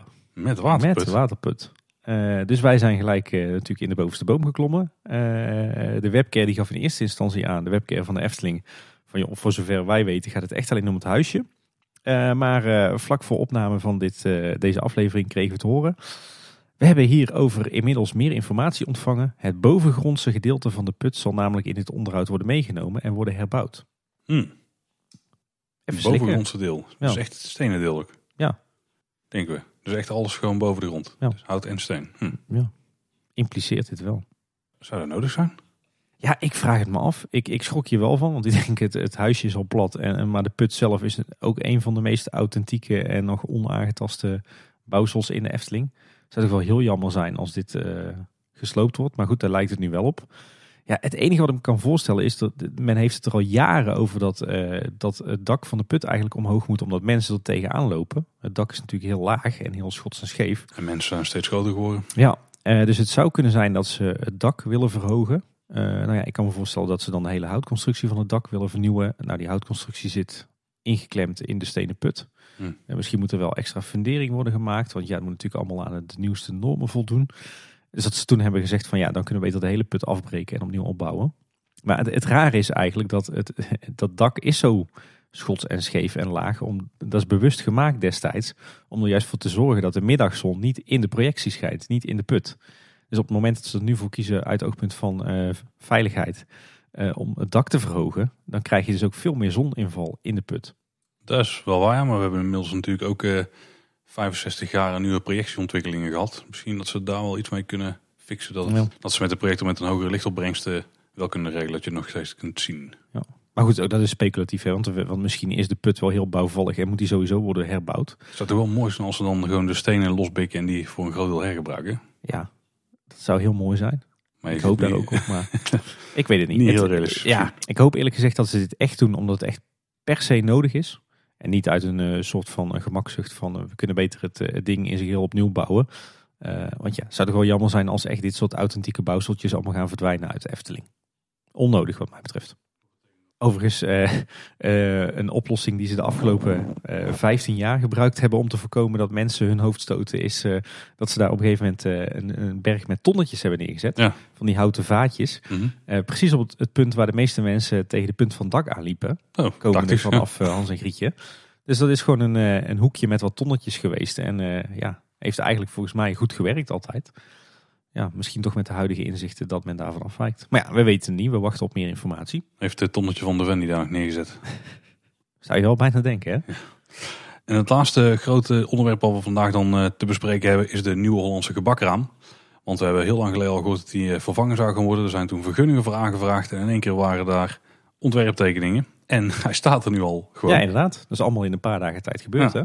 Nou, dit zal wel voorbereiding aan de vooraf zijn gegaan. Maar Ja, maar in ieder geval eh, het blogbericht met het ontwerp. En daarna het verwijderen van de, de oude karren en het plaatsen van de nieuwe kar. Dat was een, kwestie ging heel een snel. dagen tijd. Ja. Jij zegt inderdaad, kar, het is nog steeds wel. eh, Het is, ja, het is een beetje dezelfde constructie als een smaakmaker. Het is zo'n soort eh ja, noodunit, zeg maar, zo'n Ja. zo'n zo'n unit. En die hebben ze dan neergezet. Nieuwe kraam, die oude is gewoon helemaal weg. Dat was ook wel nodig, want het ding viel denk ik van ellende uit elkaar. Ja, inderdaad. Ze, ze verwoorden het zelf op de blog als eh, de huidige gebakkraam voldoet niet meer aan de hoge eisen van de Efteling. Hoge eisen, daar kan ik mooi op inhaken. Want dat was natuurlijk een groot verschil met de oude variant en de nieuwe. De oude was echt zo'n eh, ja, zo'n oude gebakskraam. Die was ook hoog, zeg maar. De mensen die jou bedienen, die stonden denk ik eh, een halve meter hoger dan jou. Mhm. Dat is dadelijk volgens mij niet meer. Volgens mij is alles gewoon op, de, op hetzelfde niveau. Ehm, ik heb vandaag eens even zitten checken. Wat me heel erg opviel aan de nieuwe kraam is dat die een stukje gedraaid is. Dus als je nu aankomt lopen vanaf eh, de entree en je loopt het dwarrelplein op met die, die bocht zeg maar, die een beetje zo naar rechts draait richting eh, Aquanura. Dus dan Mhm. heb je links de vrolijke noot. Dan, is de, die, dan loop je echt de gebakskraam in. Die staat dan echt gewoon naar je toe ge- gedraaid. Oké. Terwijl die in het verleden iets meer eh, van je afstand gedraaid, ja, iets meer richting Aquanura. Ik keek helemaal niet richting Aquanura, maar in ieder geval iets meer die kant op. Hij valt veel meer op dan voorheen, Ja. zeg maar. Slim. Ja, slim, maar het is ook natuurlijk een beetje om mensen die weggaan, om die daar naartoe te halen, om nog even net iets, iets te scoren voordat ze naar buiten lopen. Of als ze Aquanura gaan kijken. Al denk ik dat hij daar dan ook beter voor werkt, ja, want hij is meer gedraaid ook richting de mensen die naar buiten lopen. Ja, slim, ja. Mooie positie. Ehm, opvallend ontwerp, vond ik. Ja, ik weet niet of het zo opvallend was. Het zijn wel bekende vormen, eh, bekende kleuren. Al, al viel me dus ook vandaag op dat het groen anders is dan bijvoorbeeld dat van de vrolijke noot. Maar het deelt wel een, een, beetje de vorm van een vrolijke noot. Vooral eh, de, ja, de, de decoratie aan de, aan de bovenkant die op het dak staat en zo. Die vormen zie je ook wel een beetje terug, maar dan op de iets meer klassieke Efteling eh, manier. Dus wel gevormd, niet eh, plat. Op de luiken zit dan wel weer gewoon platte eh, Ja. bedruksels, maar de, Ja, de meeste, het krulwerk wat erop zit is wel allemaal 3D, hè? ja, en Ja. er zitten ook spiegeltjes op en zo. Dus ook wel een beetje carouselpaleisachtig, maar dan qua kleuren niet. En ik had eigenlijk verwacht dat ze het qua stijl een beetje bij eh, ja, de, de huisjes en de, de kassahuisjes en de kaartcontrolehuisjes van het Huis van de Vijf Zintuigen, eh, de Vrolijke Noot en ook het plattegrond die daar staat, dat ze daar een beetje bij elkaar trok. En de kiosk is ook een beetje in dezelfde stijl. Maar dat is dus net niet. Nee. Het is net, eh, het lijkt wel dat ze dezelfde kleuren wilden gebruiken, maar dat ze er net wel anders van uitgevallen, zeg maar. Ja, ja, het gevoel wat ik er een beetje bij kreeg was, eh, dit wordt de kraam. Die hebben we waarschijnlijk ergens eh, redelijk prefab eh, gekocht. Ja, die kraam zelf wel, ja. Maak er een gebakskraam van. Eh, we tekenen een frontje. En daar gooien we wat standaard Eftelingse elementjes overheen. Weet je, wat standaard kleuren, de standaard eh, krullen. Een twinkeltje en een spiegeltje. En dan is het Eftelings. Maar hoe is het anders dan de oude gebakskraam? Want die had eigenlijk ook wel, hè? Nou nee, ja, de oude gebakskraam zag er echt uit als een authentieke oud-Hollandse gebakkraam. Maar dat was in principe ook gewoon een, een noodunit op, eh, of, of zo'n voor zo'n verrijdbare noodunit met Nou ja, dat is wel echt een gebakraam. Qua stijl ook. Ja, nee, ja, ik was natuurlijk het zit iets meer richting dit- carouselpaleis, wat die oude. Ja, en Dan dit, wat dit, platter. ja, eigenlijk zoals alle authentieke oud-Hollandse gebakramen eruit zien. Ja, authentiek. Dus Ja. erg quotes. nou ja, ja, ja, weet ik niet. Maar ja, ik... ik Maar ze hebben wel, wat ze hier dus wel hebben, is ook van die, eh, eh, hoe moet je het noemen, bebording aan de zijkant die nog uitsteekt. Ook gewoon, eh, die is wel redelijk plat, zeg maar. Er zit wel dan weer gevormde krul op en zo, maar het is ook gewoon een plank die daar een beetje schuin weg staat. Nou, ja, het, het voelt voor mij een beetje als... we pakken wat voor de hand liggende Eftelingse elementen, die strooien we erover uit en dan zal het wel Efteling zijn. En dan denk ik, jammer, gemiste kans, want we hadden hier een echte authentieke oud-Hollandse gebakraam. Zoals de, de, de Nederlander hem ook kent van de kermissen en zoals de buitenlandse toerist hem denk ik ook wil zien. Dan denk ik, waarom niet even een paar piekprenten opsnorren waar dit soort gebakprenten of gebakramen op staan, want die zijn er genoeg. Waarom niet even googelen op oud-Hollandse gebakraam en maak dan een gebakraam die aansluit bij dat beeld. Ja, Dus geef hem echt die authentieke oud-Hollandse gebakraam uitstraling. Dan ben ik toch wel blij dat we deze oplossing zijn gegaan, want ik vind dit mooier dan die oude. Die mag dan wel authentiek en oude Holland zijn, maar ook spuuglelijk. Hmm, kermisromantiek noemen ze dat, hè? Ja, ja. Maar, maar dit is nu een beetje een, mijn een, ding. een, een prefab verkoopunit, verkoopunit een eh, frontje geven in de vormentaal van een gebakraam. En die vervolgens invullen met wat redelijk standaard Efteling elementen. Maar toch is er ook wel een gebakskraam was, of de, zeker die daar in Efteling stond. Hm. Was ook gewoon een vierkant ding. Voor mij is dit een beetje te gekunsteld. Ja, ja, ja, ja. Nou, ik, vind hem, eh, ik vind het een verbetering ten opzichte van wat er stond. Maar dat is ook omdat hij echt zwaar afgetakeld was. Ja, ja, daar ben ik mee eens. Ik ben wel blij dat er iets nieuws is. En dat, die, dat het ook echt gewoon een platte bebording was met wat schilderingen erop. En niet, eh weinig vorm, zeg maar. Ja. Dat heeft hij nou meer. Maar ik moet zeggen dat eh, toen ik de ontwerptekening zag, daar werd ik best blij van. Nu ik hem in het park heb gezien en de disclaimer hierbij is, hij was toen nog niet klaar. Zeg maar. De bovenkant zat er nog niet op en volgens mij was hij rondom nog niet helemaal afgewerkt. Eh, iets minder onder de indruk. Eh, maar ik denk ook omdat die kleuren gewoon niet matchen met de rest. Ik denk als het daar wel was geweest, dan was het mooi meer één geheel geweest. Ja. Het is nog steeds niet het eh, indrukwekkende entreeplein wat we denk ik graag zouden hebben. En ook ooit een beetje nog voor ogen hebben voor de toekomst. Ja, ik, moet zeggen, ik moet zeggen, ik vind dat andere kleurgebruik vind ik dan wel weer gewaagd. Dat ik denk van oké, we kijken iets verder dan piekblauw en piekrood. Ja, Ja. maar dat is de vrolijke noot ook al niet. Hè? Dat is weer een beetje dat Ja. fletsgroen. Ja, dat had stilistisch dan misschien beter geweest. Ja, dat is een beetje vreemd. Maar Maar ja, weet je, ik denk wel Eftelings of Pieks gaat wel verder dan wat krullen en wat spiegeltjes en wat gouden lijstjes. ja, het moet inderdaad nog een beetje verzakken en zo. Maar dat komt misschien met de jaren. Laten we wachten op het eindresultaat, eh, toch, voordat we een eindoordeel geven. Volgens mij wordt wat je daar verder kunt krijgen wel hetzelfde als wat het was. Dus gewoon het assortiment eh, wat we al kennen. En eh, inderdaad even afwachten hoe het uiteindelijk eh, uitpakt. Maar volgens mij tegen de tijd dat deze aflevering uitkomt, dan staat hij er. En eh, volgens mij voor de volgende aflevering dan kunnen we hem al even testen. Het assortiment bekijken. En, Ja, ik heb inderdaad komende, komende zaterdag, oftewel afgelopen zaterdag, als deze aflevering uitkomt, heb ik wel een, een dagje Efteling gepland. Dus wie weet. Niet zeker dat hij dan lopen is. Maar Nee, dat is waar. Ik heb me trouwens altijd afgevraagd of dat er een, een gebakskraam-exploitant in de kraam stond of mensen van de Efteling zelf. Mij mensen van Efteling zelf. Maar ik begreep in ieder geval van de week in Fabula dat het eh, gewoon door de horeca mensen van de Efteling wordt Ja. uitgebaat. Ja, die waren er vandaag ook flink aan het knutselen in zo'n eh, elektrische kast die erachter staat. Nou, niet de horeca-medewerkers, denk ik. Nee, die, die zullen niet zelf zijn geweest, maar wel eh, Efteling-medewerkers. Het onderhoud, Tim. Hey. Hij was kort in de vorige aflevering, hè, het blokje onderhoud. Hoe zou er nou te komen? Ja, geen idee. We konden toen al melden dat Joris en de Draak weer open zou gaan. Had de Efteling al aangekondigd. Is ook gebeurd. En die lijkt sindsdien eh, goed te draaien. Dus voorlopig goed nieuws van Joris en de Draak. Ja, Mag ook wel na die periode. Ja. Eh, wat daarbij opviel is dat we in het opstapstation, waar eh, eerst die netten waren weggehaald, waar alle attributen achter liggen en later weer waren teruggeplaatst, dat die nu weer weg zijn. Maar nu zijn daar wat de touwen gespannen. Gewoon Ja. dikke, dikke ja, kabels, zeg maar. Ja, het zag er al uit als een redelijk permanente oplossing. En het was op zich best wel netjes gedaan, vond ik. Een eh, ja, nette oplossing zo. Een netjes oplossing. Nee, dat was het eerst. Dan werd er eh, de laatste tijd eh, hard gewerkt in het Sprookjesbos aan het, het uitdunnen van het groen. Het weghalen van wat gevaarlijke bomen. Met name zo tussen Kabouterdorp, Polleskeuken en Langnek. De werkzaamheden die lijken nagenoeg gereed. Het, het paadje van Kogeloog naar de toiletgroep van Polleskeuken is inmiddels eh, weer netjes aangelegd. Wel nog van half verharding. Ehm, en er staan ook allerlei kratten klaar met eh, plantgoed om aan te planten. Dus het, eh, het lijkt erop dat daar nu ook de nieuwe onderbeplanting wordt aangebracht. Viel mij verder op dat ik het idee heb dat er in het Maanrijk op best wel veel plekken recent grote oude bomen zijn gekapt. Maar dat er ook wel veel nieuwe bomen voor terug zijn geplant. En dan met name naaldboompjes.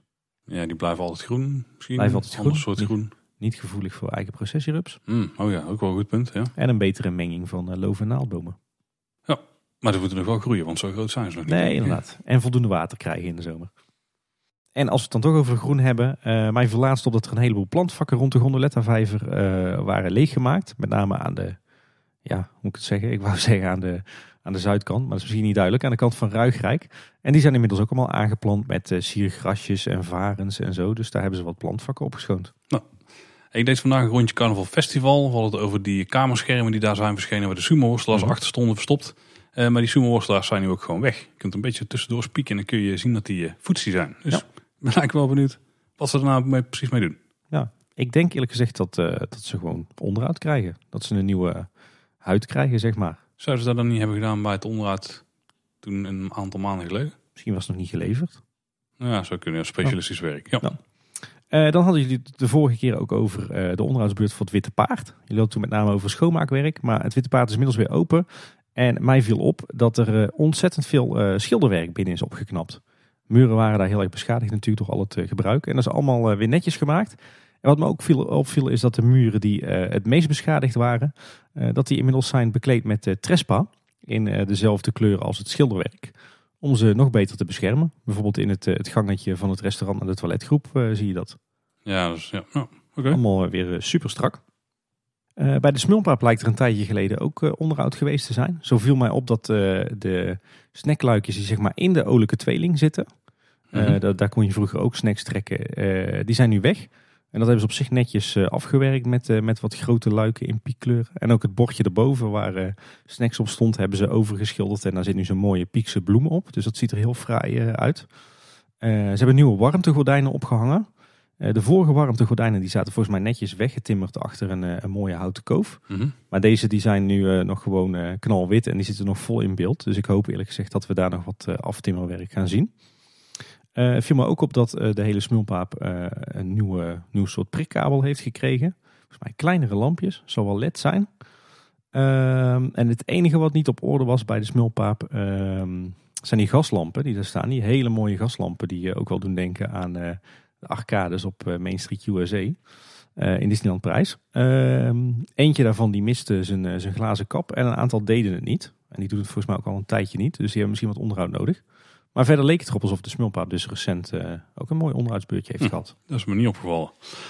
Bij het Poorthuis in Bosrijk zijn de werkzaamheden inmiddels gereed. Dus de appartementen zijn er omgebouwd naar hotelkamers. En de eerste gasten die zijn daar eh, afgelopen weekend geweest. Die hebben daar verbleven. Ja. En een paar van onze luisteraars zijn er ook. Daar krijgen we af en toe wat berichten van en wat updates.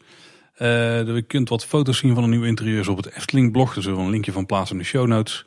En eh, wat ook opviel is dat er weer nieuwe bebording is aangebracht. Boven en naast de deuren van het poort- en badhuis. Ik Denk om aan te geven dat je daar moet zijn. Hè? Ja, er zat vroeger zat er een groot bord met appartementen. Dat is nu natuurlijk niet meer van toepassing. Dus Nee. dat is eh, poorthuis geworden. Oh, heel simpel dus. Ja, en die luisteraar waar we het over hebben, die eh, schrijft ook nog dat het nieuwe poorthuis heel mooi is geworden. Wat meer groen daarin te vinden is.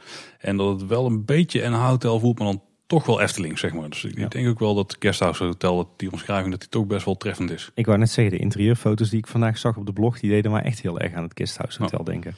Hij schrijft ook nog, het enige minpuntje is dat altijd als ik een verblijf binnenkom bij de Efteling, dat het 25 graden is.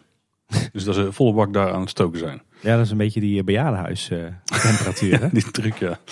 En eh, wat ook nog wel grappig was, is ehm, ze hadden daar salades besteld. Een beetje last minute. Mhm. En toen ontdekten ze in de kamer dat er geen servies meer was. Want ja, het is natuurlijk een hotelkamer.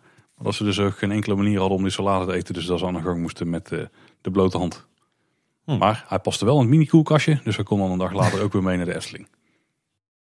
Dus eh, nog een beetje zoekende denkt de Efteling hoe ze daar precies mee om moeten gaan. Ja, ik kan me Eh, ook wel voorstellen dat je op een hotelkamer ook geen servies hebt.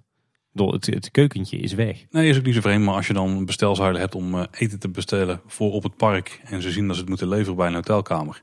Dan is het wel handig om er wat bestek bij te doen misschien. Ja, even plastic weg, bestekje erbij. Ja. Alhoewel, dat is ook weer Ja, daar moet je van mooie houden. Dat kan ook. Ja. dat is waar. Maar eh, ja, het lijkt erop alsof eh, men nu echt voorlopig even helemaal klaar is op Bosrijk. Hè? Alle Ja. werkzaamheden die we daar de laatste, het laatste jaar hebben gezien, die zijn allemaal afgerond. Ja. Dan is er ook weer een hoop onderhoudsnieuws uit de Fata Morgana. Zo is de, de zwevende man met de zak op de rug eh, op de markt eh, weer gemaakt. Die zweeft weer voorbij. Eh, de buikdanseres in de troonzaal bij de, de kalif of de pasha. De pasha eh, die, die is weer terug en mooi opgeknapt. En het lijkt erop dat in de opstaphal de verlichting, dat zijn die mooie armatuurtjes aan de wanden, dat die stapsgewijs worden vervangen door LED met een iets warmere lichtkleur. Verder was er, kwam er nog een grappige foto voorbij, volgens mij op loopings, dat er een foutje zat in de projectie als je de jungle binnenvaart. Dat was namelijk de, de waarschuwing in beeld van de beamer of van de projector dat eh, de lamp eh, binnenkort vervangen moest worden. En eh, een oplettende luisteraar die haalde ook nog aan dat de sterretjes die je ziet in de krokodillentunnel. Ik weet niet of je dan een beeld hebt. Ja, ja, ja, ja, zeker. Die, ja, eigenlijk een beetje dat, dat gat waar je, in, waar je in wegkijkt, hè, met die beplanting ook. Dat, eh, dat langzaam maar zeker, of eigenlijk heel snel, dat, eh, dat al die eh, sterretjes het beginnen te begeven. Hm. Echt zo'n heel klein puntje, echt oog voor detail, wat, wat aandacht nodig heeft. Ja, bij Symbolica nog wat terugkerende problemen. Het danspaardje in de laatste ruimte staat even stil. De koningszaal is dat volgens mij.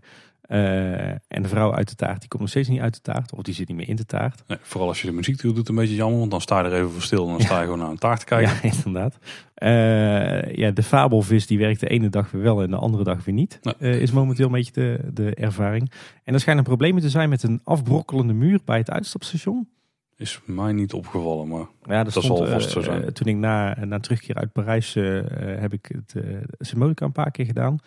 En het viel me inderdaad op dat die, die muur, zodra je uitstapt en je loopt het winkeltje in, die muur aan je rechterhand, dat daar nu een, eh, een hekje voor staat met een koordje. Hm. Eh, en het lijkt er inderdaad op dat, die, eh, ja, dat het stukwerk daar van de muur afbrokkelt.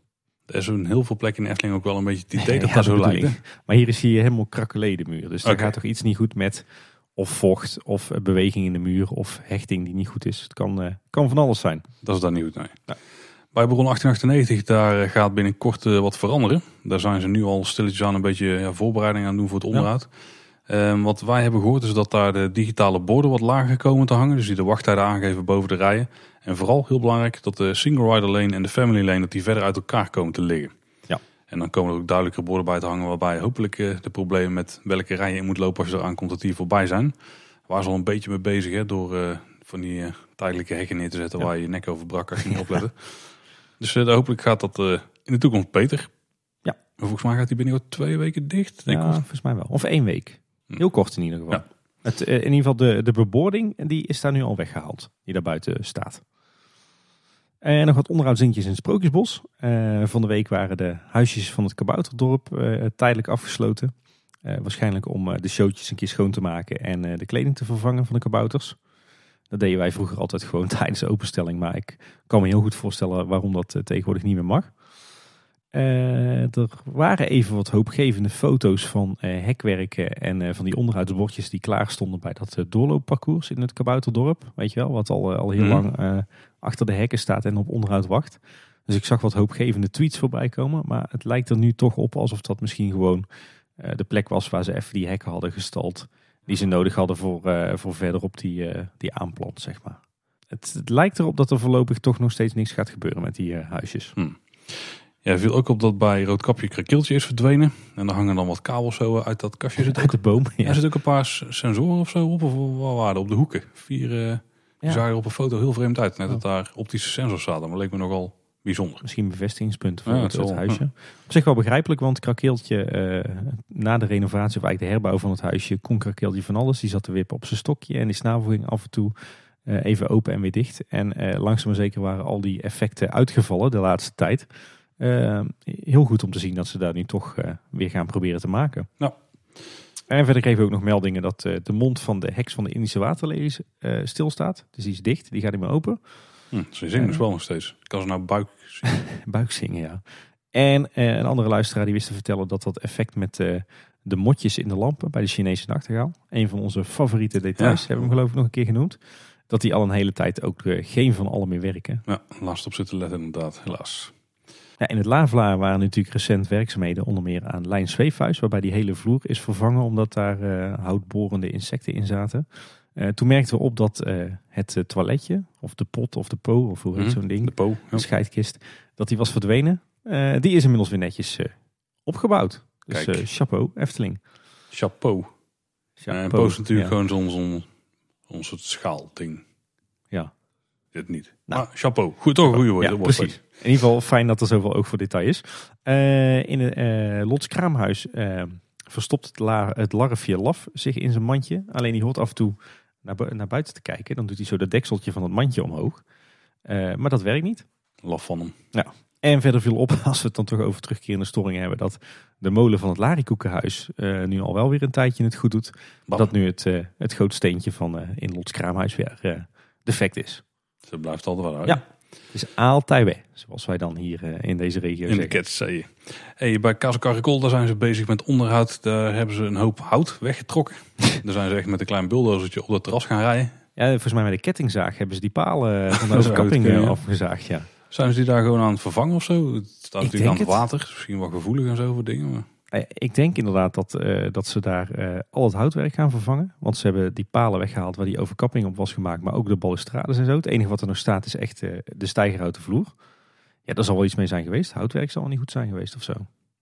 was op zich wel opvallend. Want ik weet nog toen destijds toen de Casa Korrel, Korrel werd verbouwd. Toen was er wat ophef. Omdat volgens mij dat hele project buiten de deur was gezet.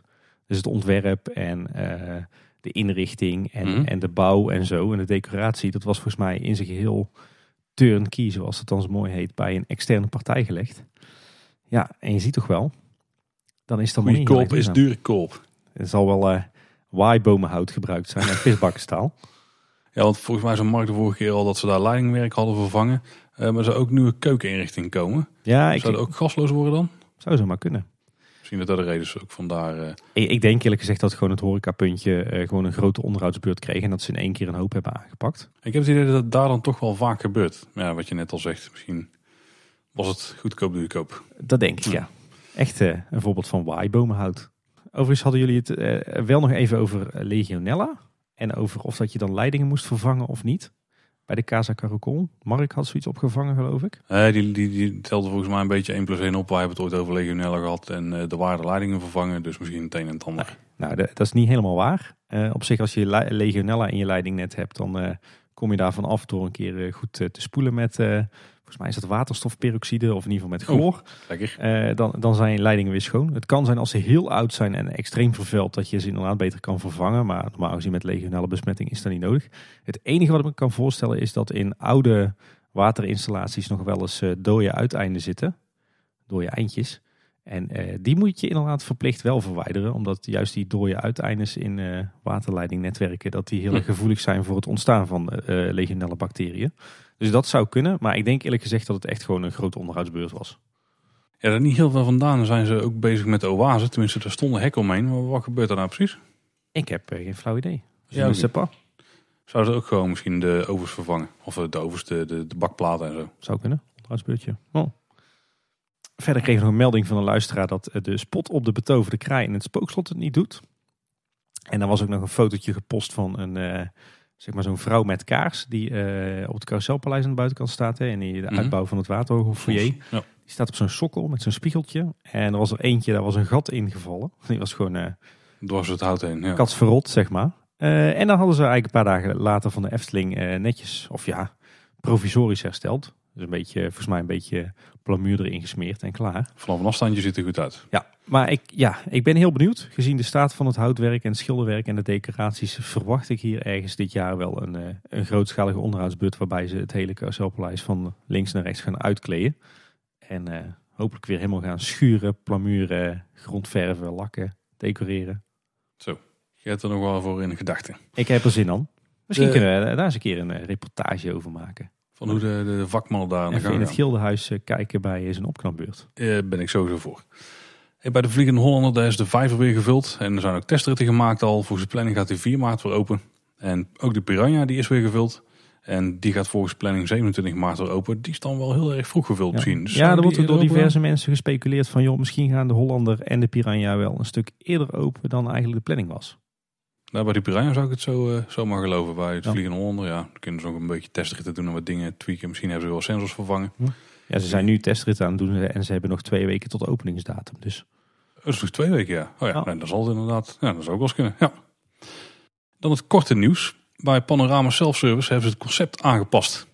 Ja. Daar eh, kun je een maaltijd samenstellen voor 12,50. Dat klinkt best reëel. Ja, een mooie Eh, prijs. Nou, dan heb je eh, keuze uit een aantal hoofdgerechten. Bijvoorbeeld de runderstoofschotel, saté, schnitzel, zalmburger of de spaghetti bolognese. Een bijgerecht, dus frietjes, nasi, salades, seizoensgroenten, dat soort dingen. En als je er een flesje frisdrank of water bij wil, dan betaal je 14,50. Nou, Ja. mij net de prijzen. Ja, op zich een prima concept hè. En eigenlijk iets Ja. wat ook wel bestond hè. Want als je bijvoorbeeld in het Witte, Witte Paard kijkt. Daar kon je je saté ook al met friet krijgen als je wou. In plaats van met nasi en andersom ook. Dus het is alleen, ja, het wordt nu alleen geformaliseerd eigenlijk. Ja, het is weer rechtgetrokken qua prijs. Ik denk dat dat vooral wel, eh, wel Ja. werkt. Je weet gewoon, nu, dat ben je kwijt. En dan want voor 14,50 een zo'n maaltijd in een park met drinken is eigenlijk wel gewoon prima. Ik. Ik vind het goedkoop. Maar goed, Ja. ik kom net uit Parijs. Dus eh, dan is eh Ja, alles Disney, goedkoop. Disneyland ook, hè? Ja. Nou, hartje Parijs eh, is ook niet goedkoop hoor, kan ik je vertellen. Oh, nou, Disneyland daar schokken wij vooral heel erg van. Eh, wat je ook nog kunt doen daar is je eigen yoghurt of fruitsalade samenstellen. Dus er kan een topping bij, die kun je bijvoorbeeld als ontbijt eten, toetje of als gezonde snack, zegt de Efteling zelf. Ja. Dus eh, check daar even de link van die wij delen in de show notes van het blog. Eh, voor de verzamelaars nog een nieuwtje. Op zaterdag 7 maart is er weer een Anton Pieck en Efteling verzamelbeurs in de Pelgrimshoeve in Tilburg. Van 11 tot 3. Dus eh, ga er zeker even checken als je nog wat dingen moet hebben voor je verzameling. Ga er naartoe. Ja, precies. Uit, eh, uit vrees eh, en respect voor mijn portemonnee blijf ik, Blijf ik er niet naartoe deze keer. Twee zondagen op een rij was een storm in de Efteling. We Ja. hadden natuurlijk storm Chiara en Dennis. Ja. Die kwamen elkaar, die volgden elkaar netjes op. Eh, voor zover ik weet geen noemenswaardige schade. De Efteling had wel een hoop Nee. voorbereidingen getroffen. Dus eh, dingen eh, platgelegd, gewoon meubilair weggehaald. Nou, volgens mij niks kapot. Hè? Geen afgebroken takken, geen bomen die zijn omgewaaid. Ja, die zullen het best zijn geweest natuurlijk, want dat voorkom je niet. Maar niks waar echt schade er is veroorzaakt. Zo. Nou, er waren zoveel Efteling-fans in het park aan de stormchasen dat we dat echt wel hadden gezien anders hoor. Ja, dat klopt eigenlijk wel. ja. Ik denk eerlijk gezegd dat die aanpak met, waarbij alle risicobomen worden gekapt, dat die misschien nog wel zijn vruchten kan afwerpen. Dus. Ja, anders hadden we nu wel minder fans gehad misschien. Eh, de samenwerking tussen de Rabobank en de Efteling die is beëindigd. De Rabo klantdagen die gaan nog wel door. Ik ben wel benieuwd wat er dan gaat gebeuren met dingen als eh, de kluis die we nu hebben. Ik denk dat dat ding gewoon blijft staan. Maar Denk dat ik ook. de enige Rabo referentie die daar nog in zit, is die er überhaupt nog? Ja, volgens mij zit er ergens een logootje op geplakt of zo. Ja, bij de pinautomaat. Maar volgens mij worden binnenkort toch alle pinautomaten in Nederland merkloos. Die worden Ja? allemaal geel hè. Krijgen nieuwe ombouwen en dat is een samenwerkingsverband van verschillende banken. Dus voor mij verdwijnt dan ook eh, het, eh, het, zeg maar het bank eigen. Oké. En ja, de Efteling kreeg toch geen spaarrente meer. Dus ja, waarom dan nog partner in kwaliteit zijn met de Ja, Rabobank? dat zijn helaas niet de enige. Wat ook opviel is dat er in eh, Fabula, in het restaurantdeel daarvan, daar stond een tijdje zo'n ja, zo'n soort bank, toonbank dingetje, Ja. een beetje aan de zijkant. Een eh, service table heet zoiets. Volgens ja, inderdaad ja. ja. Daar blijkt nu een spice station van gemaakt te zijn, Tim. Ja. Met eh, kruiden die passen bij eh, de maaltijden jungle, oceaan en savanne. Dat zijn eigenlijk een soort eh, enorm groot uitgevallen pepermolens waar je dan dus wat Ja. kruiden uit kunt tappen. Maar merk, merk. Eigenlijk, ja. Ja. Ja, je bent er nog een keer gaan eten, hè? Ja, ik, ik was eerder best wel enthousiast over de savanneburger. Burgertjes zijn nou best lekker. Maar hebben, Anne en ik hebben ons deze keer gewaagd aan maaltijdboxen. De maaltijdbox Oceaan en de maaltijdbox met pasta. Die oceaan heb ik toch wel wat goede dingen over gehoord. Dat is met zalm, hè? En rijst. Ja, Eh, nee, zalm en couscous. Oh, en een zompig broodje ergens verstopt onder een vis. Oh, een zompig broodje. Ik heb onze vermoeden waar dit heen gaat. Ik ben normaal gezien heel makkelijk tevreden te stellen met eten. Echt heel makkelijk. Maar Paul, dit was echt niet te eten. Het was zo vies. Ik heb echt, het is- was bij mij lang geleden dat ik zo vies heb gegeten als die eh maaltijdboxen bij Fabula. Het spijt me echt, echt, echt zeer, want het is echt niet mijn intentie om, eh, om negatief te zijn. Eh, zeker niet over het eten en drinken in Efteling, maar wat vies. Echt gewoon niet te eten. Zit het dan in de bereiding? Zit het dan in de kruiden? Ja, die, die couscous was niet gaar. Eh, die vis die lag dan, eh, die, die was heel vet. Eh, er lag dan een, een stuk brood onder wat je om erbij te eten. Ja, dat was helemaal zompig geworden. Ik had dan de pasta. Die pasta was niet goed gaar. Eh, Ja, dat klinkt toch echt als bereiding. zit, Dus. zit, er zit dan een heel weeg sausje bij en, en een paar van die fabrieksgehaktballen die, die meer naar meel smaken dan naar gehakt. Ja, dat was, nee, het, eh, het was het echt niet. Echt niet. Dus jammer, want ja, ik had graag positiever geweest, maar het was echt een hele nare eetervaring. Ik moet er nog steeds een keer die curry gaan proberen. Daar heb ik een beetje al mijn hoop op gevestigd. Mijn Savannenburger ervaring die was niet, zo heel goed. Die was beter al. Ja, Dus, eh, eigenlijk het lekkerste wat ze bij Fabula Wereldrestaurant serveren is de zoete aardappelfriet. Ja, Of het kindermenu is ook wel oké. met Ja. die, eh, tenminste, dan moet je pasta wel goed gaar zijn. Maar die wordt veel eh, bij de kinderen goed in de Ja. smaak. Hmm, Oké. Bij Gondoletta zijn nieuwe bordjes verschenen en die geven dan aan waar de buggies moeten staan. Netjes. En werken ze ook in dit geval. Ja, best wel redelijk. Beter dan wandelwagenstallingen. Ook omdat waarschijnlijk de bordjes hangen op de plek waar de buggies toch al neer werden gezet. Precies. Ja, dat is een goede tactiek, ja. Ja. Eh, er wa- was ook wat, even wat onduidelijkheid over een bordje over de configuratie. Dat je voortaan met max zes personen eh, in een bootje mag zitten. Twee personen per bank. Mhm. Maar volgens mij hing dat er al een paar weken langer. Oké, maar dat hadden we in ieder geval niet dat gemeld. was een Dus discussie met. Ramon. En meestal heeft Ramon gelijk. Ja, dat is wel altijd vervelend. Hè? en heel prettig Ja. voor ons. Hey, wat eh toch al een opvallende actie was van de Efteling. Die heeft de sprookjesfiguren op Tinder gezet. Dat was een soort eh Valentijnsactie. Dus Draak, Heks, Langnek en Holbolle Gijs die eh, gingen denk, daten. Ja, ik zit zelfs niet op Tinder, maar zo werkt dat dan ik daar. zit ook niet op Tinder. Dan kun je matches eh, vinden zo. Ja. Ik had dan zo met rood kapje willen daten. Had jij wel met rood kapje willen daten? Ja, die stond er dan niet tussen. Eh, Tim, we gaan eens even een experiment doen eh, Wat gaan we met z'n tweeën. Ja, ik eh, heb hier een app en die heb jij niet. En dat heet Instagram. Nee, klopt. En daar heb je... Hoe weet die- je dat? Ja, daar, ik, ik ken jou. En daar zit tegenwoordig een heel muf spelletje in. daar heeft de Efteling er zelf ingezet. En daarbij kun jij kijken welke Efteling-woner jij bent. We gaan het even testen. En dan krijg je een Instagram filter. Tim welke Efteling-woner ben jij? Dan gaat hij ratelen. Ja, inderdaad. Kaartje boven je hoofd. Ja. Ah, ik ben eh, de heks. De heks. Ja. Ja, zegt wat over mijn wallen, denk ik. Oh, zou je dat zo doen? Zal ik eens kijken wie ik ben? Ik ben, ik ben eh, de keizer. Zonder Nou. kleren. Zeg dan wat over de rolverdeling hier aan tafel dan. Ja, ik dacht dan meer over mijn eh, fysieke uitstraling. Maar oké, nou dit is niet zo heel succesvol. Het is geen, ook geen hele interessante podcast. Nog, nog Nee. even de mensen denken dat, we, dat ze naar Team Talk aan het luisteren zijn. Bijna wel, hè? Maar eh, dat is dus een, een ander nieuwtje. De Efteling heeft een eh, Instagram filter. En dan kun je dus dit eh, spelletje spelen wat ik de laatste tijd echt heel vaak heb langs zien komen. Niet Ja. alleen van de Efteling, maar ook van Disney en andere fratsen. Ja. Wij Kei leuk. zijn niet helemaal doelgroep, denk ik.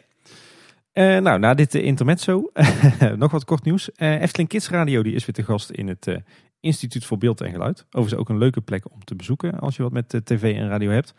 Eh, van 15 februari tot en met 1 maart zenden ze live uit eh, tussen 1 en 5. En onder meer te gast zijn Rob Jansen van 3FM, onze OJ Punctueel, Monique Smit, Paul van Loon, Wieteke van Dort en Ralf Makkenbach. Ah, dat had ik liever René Merkelbach gehad, denk ik. ja, precies.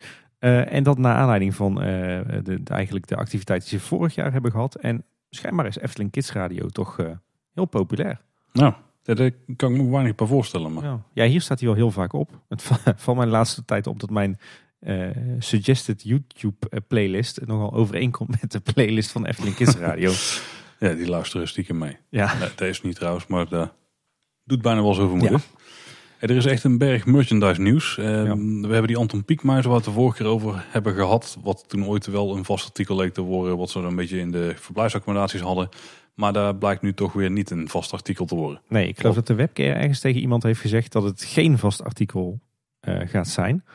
Eh, maar ja, inmiddels zijn ze dus uitverkocht. Ik vind het echt heel vreemd. Want dit is toch volgens mij gewoon een goud artikel. Ja. Ja, bestellen gewoon nog duizend eh, in China, zou ik zeggen. op zijn minst, ja. Ja. En laat hij er al staan hier er tien jaar. Ja. Ja. dat is over zo lang zal het niet eens duren. We- weet jij dat ik gewoon in één week tijd vijf keer langs het Efteling Hotel ben gereden? Voor verzoeknummertjes. Voor die eh, muizen. Voor die muizen, ja. Dat wist ik niet, maar nu wel. Hey, 17 februari, toen zijn er vier verschillende Efteling hamsterknuffels bij Albert Heijn verschenen. Dus je kent wel de hamsteractie van Ja. Albert Heijn. Het is nu eh, hamsters van die stijl met een Efteling pakje aan. Ja. Past ook wel goed bij carnaval trouwens. Eh, je had varianten van Elfje, Drakenrood, Kapje en Fakir. Eh, die zijn te verkrijgen tegen betaling van 6,99 of 7,99 bij de Albert Heijn. Ligt een beetje aan welke je wil. Mhm. Op is op. En die draak die blijkt nogal zeldzaam te zijn. Ja, ik zag wat tweets voorbij komen van Efteling-liefhebbers die al heel veel Albert Heijns voorbij waren gereden. Of ja, Om erin in te scoren. gegaan, vragen en weer verder. Iets voor jouw verzameling of... eh, Eh, nee, nou, dat sla ik wel even over. Eh, wat ik ook oversla is eh, dat er vanaf 17 februari een nieuwe unieke Efteling-lijn van Blond Amsterdam in de winkels van Albert Heijn ligt. Eh, en dat gaat dan over producten die eh, wel bij Albert Heijn worden verkocht, maar niet in de Efteling. Eh, nieuwe glazen, 3D-bekers, een klok en een pollepelpot. Zo, is dat iets? Ik ken hem niet, maar... eh, dus die kan je bij de Albert Heijn kopen als je in het zeldzame geval dat je dat zou willen. Maar er zijn ook nieuwe blomproducten die dus wel van Efteling zijn. Hè? Ja. Een eh, mini-mok, een beker, een kom, een bordje met afbeeldingen van onder andere Vader Morgana, Kabouterdorp, Rode Schoentjes, Pinocchio, Langnek, de Zes Zwanen en de Halve Maan. Ja. Dus eh, als je ballons verzamelt van de Efteling, dan eh, kan je je Yes. portemonnee weer omkeren. Precies. verder zijn er nieuwe roze t-shirts van Droomvlucht. Volgens mij in volwassen maten. Hm, Oké. Niet per se iets waar wij in zouden gaan rondlopen, denk ik. Nee, en eh jubileumpins van volgens mij 60 jaar Efteling. Ja. Die zijn nu eh, in de aanbieding voor 1,50. Dus als je die nog niet hebt, maak je verzameling compleet. Geen geld. Toen waren ze van de grote oplagers, denk ik. Ja. Er zijn ook eh, nieuwe Efteling miniaturen die uit gaan komen. Van Pardijn, het ballonnenvrouwtje, de heksenpoort, het meisje met de zwavelstokjes. Er zit ook een batterijtje bij. En dit eh, hoorden we allemaal via Facebook. Maar ik heb het inmiddels ook via andere plekken zien langskomen. Ik moet zeggen dat het ballonnenvrouwtje, de heksenpoort en het meisje met de zwavelstokjes mij wel aanspreken. En hoe ze meisje eruit zien. meisje met de zwavelstokjes met een batterijtje. Wat zouden dan voor lampjes in gaan verschijnen? Nou, wat dacht je van de zwavelstokje? Zou het dat zijn? Ja. Het is echt het meisje. Ja, lijkt mij wel. Ja, volgens mij wel. Eh, dan kregen we ook nog het nieuws te horen dat op 27 oktober het boek verschijnt. De Efteling Sprookjes Omnibus. Is volgens mij, voor zover ik kon zien, eh, onderdeel van de reeks met gouden boekjes. Mhm. Hetzelfde steltje in ieder geval. 1999 eh, is de prijs. Je kunt hem nu al reserveren via bol.com. En daarin vind je de 24 bekendste en meest geliefde sprookjes uit de Efteling. Een beetje eh, een soort, ja, een soort overlap met het, het Ja. nieuwe groene sprookjesboek. Hè? Ik ben wel benieuwd hoe dit zich verhoudt. Want die is ook 20 euro, toch? Ja. En daar zitten 30 sprookjes in. Ja. En dat is ook een chic boek. En verder de mensen die bij de Raad der Wijzen zijn aangesloten, eh, waaronder ik, die kregen ook nog een mail met de uitslag van het onderzoek naar souvenirs onder die Raad van der Wijzen. Eh, wat cijfertjes, 43% van de respondenten, zoals het dan zo mooi heet, die koopt wel eens een souvenir voor zichzelf. Eh, meer dan de helft van de gekochte souvenirs was een cadeau voor de kids. Eh, slechts 16% van de mensen heeft een budget in gedachten op het moment dat ze een souvenirwinkel binnenstappen. En eh, die houden zich daar dan meestal ook aan. En ze hebben heel veel tips gekregen eh, van liefhebbers eh, voor nieuwe souvenirs. En opvallend was dat het vooral bord- en kaartspellen Hmm. waren. Zoals wij dat hebben aangewakkerd. Ja, dat zou bijna wel denken. Eh, liefst volledig in Efteling thema of als betaalbare variant van een bestaand spel met een Efteling twist. Nou, mocht er nog iemand eh, zoeken die kan helpen met het bedenken van dat soort spellen. We weten nog wel iemand, hè? Ja, precies. Jij hebt ooit in mijn afwezigheid nog een, eh, een hele aflevering gemaakt over Efteling bordspellen. hè? Ja, Maarten die is goed bezig. Er gingen ook wat discussies op over... Volgens mij was jij een beetje de aanstichter trouwens, Tim. Over, jij, jij plaatste een Dungeons and Dragons referentie zonder dat je er zelf door had, volgens mij. Ik snap nog niet wat ik heb gedaan. Nee, maar- precies. En eh, daar werd een hoop discussie over eh, geopperd. En eh, Maarten die in de aflevering ook zat van de bordspellen... die is inmiddels een soort Eftelingse variant van zo'n rolspel eh, game. Dus een beetje gebaseerd op Dungeons and Dragons regels eh, aan het uitwerken. Die we mogelijk wel een keer eh, gaan spelen met een paar liefhebbers. Hm. Klinkt goed. Ik, Ja. eh, ik verzorg de consumptie dan wel. Oeh, daar hou ik je aan. En je was ook bij reisrijk geweest en had je Jokie en Jet gecheckt. ja, of in ieder geval ja, nu, Jelke en Kendrick weg zijn. Ja, Jet nu. Ah, Jet, ja. Alleen Jet was er. eh. Eh, ja, Jelka en Kendrick zijn weg, dus dan hebben we weer tijd voor andere acts. Hè? Ja, ja, eh, dat geldt bij ons ook zo. Dus we hebben inmiddels al twee keer de act met Jet gezien. En het viel mij op dat ze weer een nieuwe act hebben, nieuwe liedjes. En deze keer staat Hawaii centraal. Dus we moeten weer even de nieuwe tekst leren om stiekem mee te kunnen zingen. Ze hebben de ballon weer ergens anders in de geland. Ja. Vacatures. Eh, heel veel eh, vacatures in de ICT. Dus Paul, als jij je huidige baan beu bent, eh, ze, zoeken bij, ze hebben bijbanen, meewerkstages, maar ze zoeken ook nog een medewerker support en een teamlead. Op het gebied van IT. Er staan nog steeds een heleboel horeca vacatures open. Ook een vacature voor kok bij Ravelijn. Zoeken een medewerker entree. En eh, zo zijn er nog meer vacatures. Die vind je natuurlijk op de vacaturepagina. En het viel mij ook op op YouTube dat er nu een hele leuke video eh, weer is ge- gemaakt over werken bij de Efteling. Eh, en die heeft als titel Van bankhanger naar pannenkoekenbakker. En dat is eigenlijk een kort interviewtje met eh, ja, eh, de medewerkers daar. Ja, volgens mij komen die er nu regelmatig een paar eh, uit. Ik denk zeker één per week of zo. Ja, een beetje promo vanuit eh, werving en selectie, denk ik. Ja. leuk. Ja, wat ook weer is begonnen is de jaarlijkse Efteling spaaractie bij Albert Heijn. Dat is eh, de grote bekende actie waar je korting mee kunt krijgen. We hebben nou al drie items over Albert Heijn. Zouden we daar geen geld kunnen vangen? Ja, die zouden wel sponsor mogen worden. Eh, Je kunt tot en met 1 maart sparen voor korting. Bij elke 5 euro aan boodschappen krijg je een zegel. En bij vier zegels krijg je dan 12,50 korting maximaal op het ticket. Eh de korting die je krijgt, die is volgens mij afhankelijk van het type ticket wat je koopt. Hè? Ja. Je kunt dus dit jaar sparen voor twee type tickets. We hebben dan de laagseizoen-ticket, die is dan 28,50. En het flexibele ticket, die is 32,50. Dit gaat nog vaak misgaan, denk ik. Ja, maar volgens mij heb je toch wel de optie dat als je dan de verkeerde ticket koopt, dat je altijd kunt bijkopen. En als je dan met je dure ticket in de laagste komt, ja, dan eh, was je flexibel, maar dan heb je gewoon dikke vette pech. Wel opvallend, er werd eh, door heel veel mensen van tevoren op gehind dat eh, de Efteling zou gaan overstappen met haar actie naar Jumbo. Mhm. Want ze nu natuurlijk ook samenwerken met Laplace. Maar de Albert Heijn actie vindt toch weer gewoon plaats bij Albert Heijn. Daar kunnen ook goed meerjaars contracten onder liggen. Nou, zou ook raar zijn als je Albert Heijn tickets bij de Jumbo gaat kopen. Dat zou wel bijzonder zijn, ja. En in de winkels van eh, Albert Heijn eh, vind je nu ook een, eh, een langnek meetlat waaraan je de kindjes kunnen zien wanneer ze in welke achtbaan kunnen. Ja, zeker. hey, en dan zijn we er eigenlijk weer doorheen, Tim. Wat gaat het, wat gaat het lekker hè? Ja, maar en dan nog dit. Ja, Ja, we kregen eigenlijk best wel een interessante direct message van Koen Willems. Die schreef, hoi Paul en Tim, vandaag voor het eerst sinds opening van Fabula, eindelijk weer in de Efteling. Misschien interessant, normaal kan ik vanwege een aangeboren oogafwijking, alternerende visus, niks ernstigs, geen 3D zien. Dus als hij naar 3D-bioscopen gaat, dan krijgt hij er niks van mee. klinkt eh, als heel luxe eigenlijk. Ja, het, ja nou, het ligt eraan of je het beeld dan waardig ziet, dan word je Ja, er niet heel vrolijk van. Maar als je dan zeg maar één van de twee delen van het beeld ziet, dan is het eigenlijk wel prima in veel gevallen. Eh, hij schrijft ook, Pannendroom was daarop geen uitzondering. Maar tot mijn verbazing kan ik de film van Fabula wel in 3D zien. Voor het eerst in mijn leven heb ik 3D ervaren zoals het bedoeld is. Heel gaaf. Wellicht heeft dit te maken met een verbeterde techniek of is de Efteling echt een wereld vol wonderen? Nou, de laatste sowieso. Ja. Eh, ik denk dat het wel te maken heeft met de verbeterde techniek en met vooral de resolutie die ze voortaan kunnen projecteren. Want met die nieuwe laserprojectoren en vooral hele goede afstelling daarvan is gewoon de scherpte van het beeld veel beter. En ik denk dat dat best wel invloed kan hebben op hoe jij die eh, film ervaart. Dat is heel tof. Ja. Ja. Ja, ik denk dat inderdaad de oorzaak vooral zit in die nieuwe projectietechniek met laser. Want het viel mij ook op toen wij in de zaal zaten, als je, eh, dat je in je linker ooghoek, linksbovenin, dat je af en toe wat eh, rood flikkerend licht ziet. En eh, volgens mij komt dat eh, vanuit die laserprojector. Dat Als je je hoofd op een bepaalde manier houdt en je kijkt een bepaalde hoek in, dan valt het op. Dus ik moet een beetje gymoefeningen doen en dan, dan zie je dat licht. Ik ga eens een keer erop letten. Eh, wat ook heel tof was, was op YouTube weer een nieuw filmpje van Pieter van Zero G Reviews. Die eh, ging op een dag dat er eigenlijk niet zo heel veel snackpunten open waren trouwens. Oh, Ja, wist hij ons nog te ja. Ging hij de Efteling langs om eh, wat Efteling snacks eh, te checken. Deed hij eh, samen met Priscilla natuurlijk en met Bram en zijn vriendin. Ja, het was En- leuk om Bram Elstak, de, de tatoeageman, om die een keer aan de slag te zien samen met Pieter Lieboy. Ja. En dat ging op zich best goed. Alleen ja, ze konden dus niet alle snacks proberen die ze wilden proberen. Want ja, daar waren gewoon wat dingen dicht. Maar het is wel een hele toffe video geworden. Ik vind het ook altijd heel tof hoe Pieter van die toffe tussenstukjes maakt. Ja. B-roll eh Ja, noemen ze dat ja, hij mij. leuk. Daar heeft hij talent voor. En het is sowieso leuk om eh, al die eh, etenswaren in de Efteling voorbij te zien komen. Ja, niet eh, kijken als je niet hebt gegeten. En eh, het hoogtepunt voor Pieter was volgens mij de Loaded Fries. Wat Ja. niet eens echt een Efteling snack is. Maar wat je op dit moment kunt krijgen bij eh Laplace. En daar ziet het toch wel verrekkers goed uit. Ja.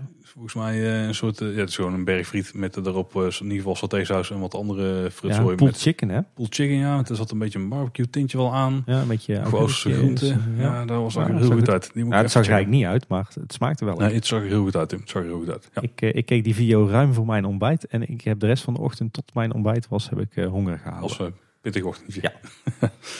Eh, ook nog een kijktip. Ruud Bos, die was 19 februari de gast bij Tijd voor Max. En daar werden ook eh, fragmenten vertoond van de Ruud Bos eh, documentaire van de Vijf Zintuigen. Dus eh, kudos voor die mannen daar. Ja, mooi compliment denk ik. Volgens mij kwam Ruud zelf niet helemaal meer erop dat hij ook droomvluchtmuziek had gemaakt. Dat, dat terzijde, dat vergeven we me. Want Het wordt ook een dagje zelf ouder. is prima. En nog een leuk kijkje achter de schermen bij ons. wat ik, waar ik zelf wel een soort van stond te kijken eigenlijk. Eh, een beetje noodgedwongen ben ik eens gaan kijken of dat ik eh, ook afleveringen kon maken zonder dat ik daar mijn laptop bij nodig had. Want eh, wij nemen natuurlijk al op op een recorder. Daar komt er audio op een SD-kaartje staan. Dat wordt geïmporteerd op een computer. Gaat er de hele malle molen van de software heen en wat tijd om te editen. En dan exporteren we die, we werken de website bij, maken we de show notes. Eh, die worden dan ingevoegd en dan wordt het uiteindelijk gepubliceerd, eh, geüpload, et cetera, heel de bende.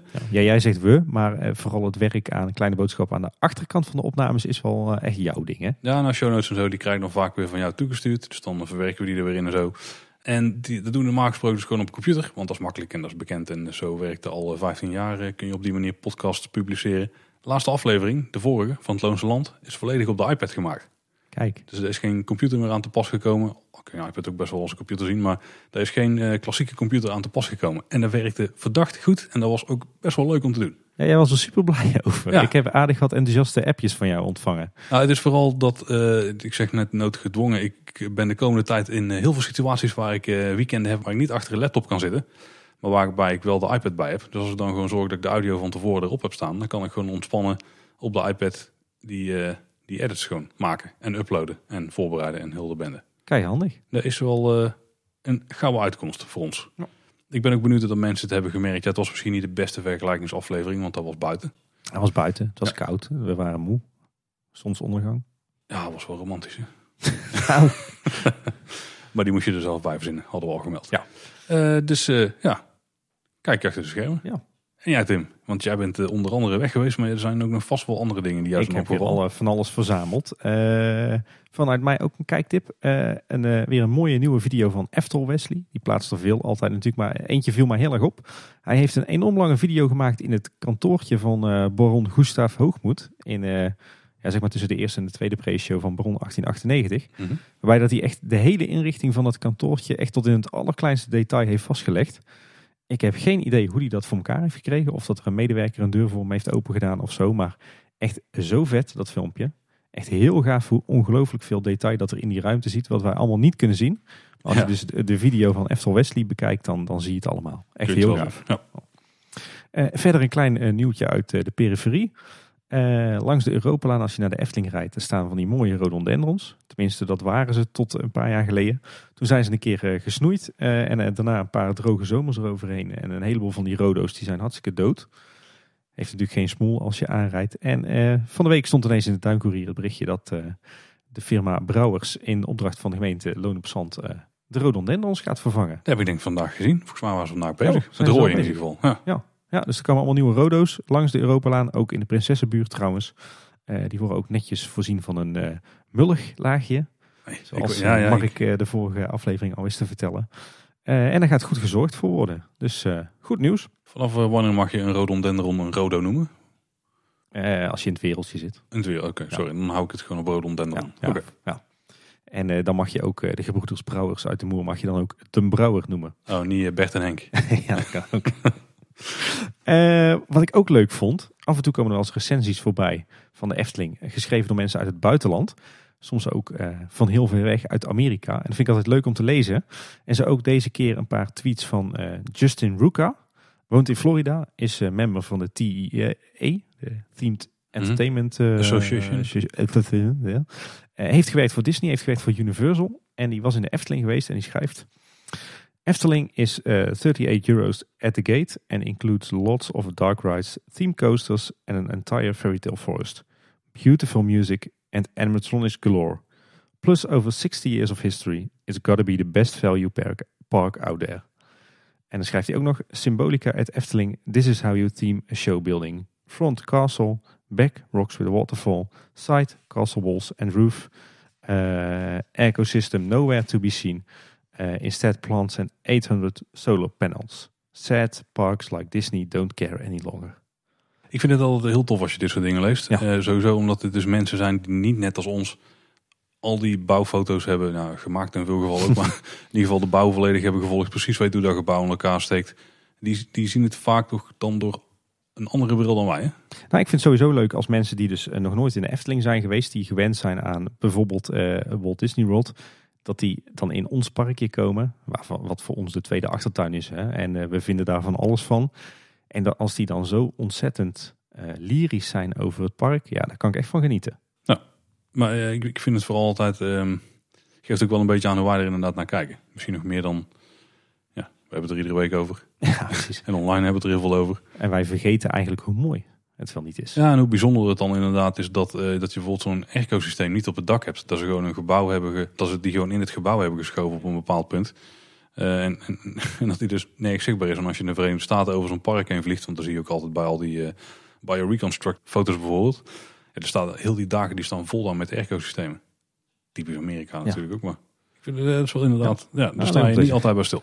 Wat ik trouwens wel enigszins bizar vond. eh, er is ook een nieuw eh, pretpark in Rusland, Dream Island. En die had een Facebook post over de Efteling. Nou, echt, daar spatte het enthousiasme vanaf. Die waren echt, echt extreem enthousiast over. Eh, ik zal de, de tekst niet voorlezen, dat kan je op loopings lezen. Maar eh, ja, het was bijna een beetje eng van te worden.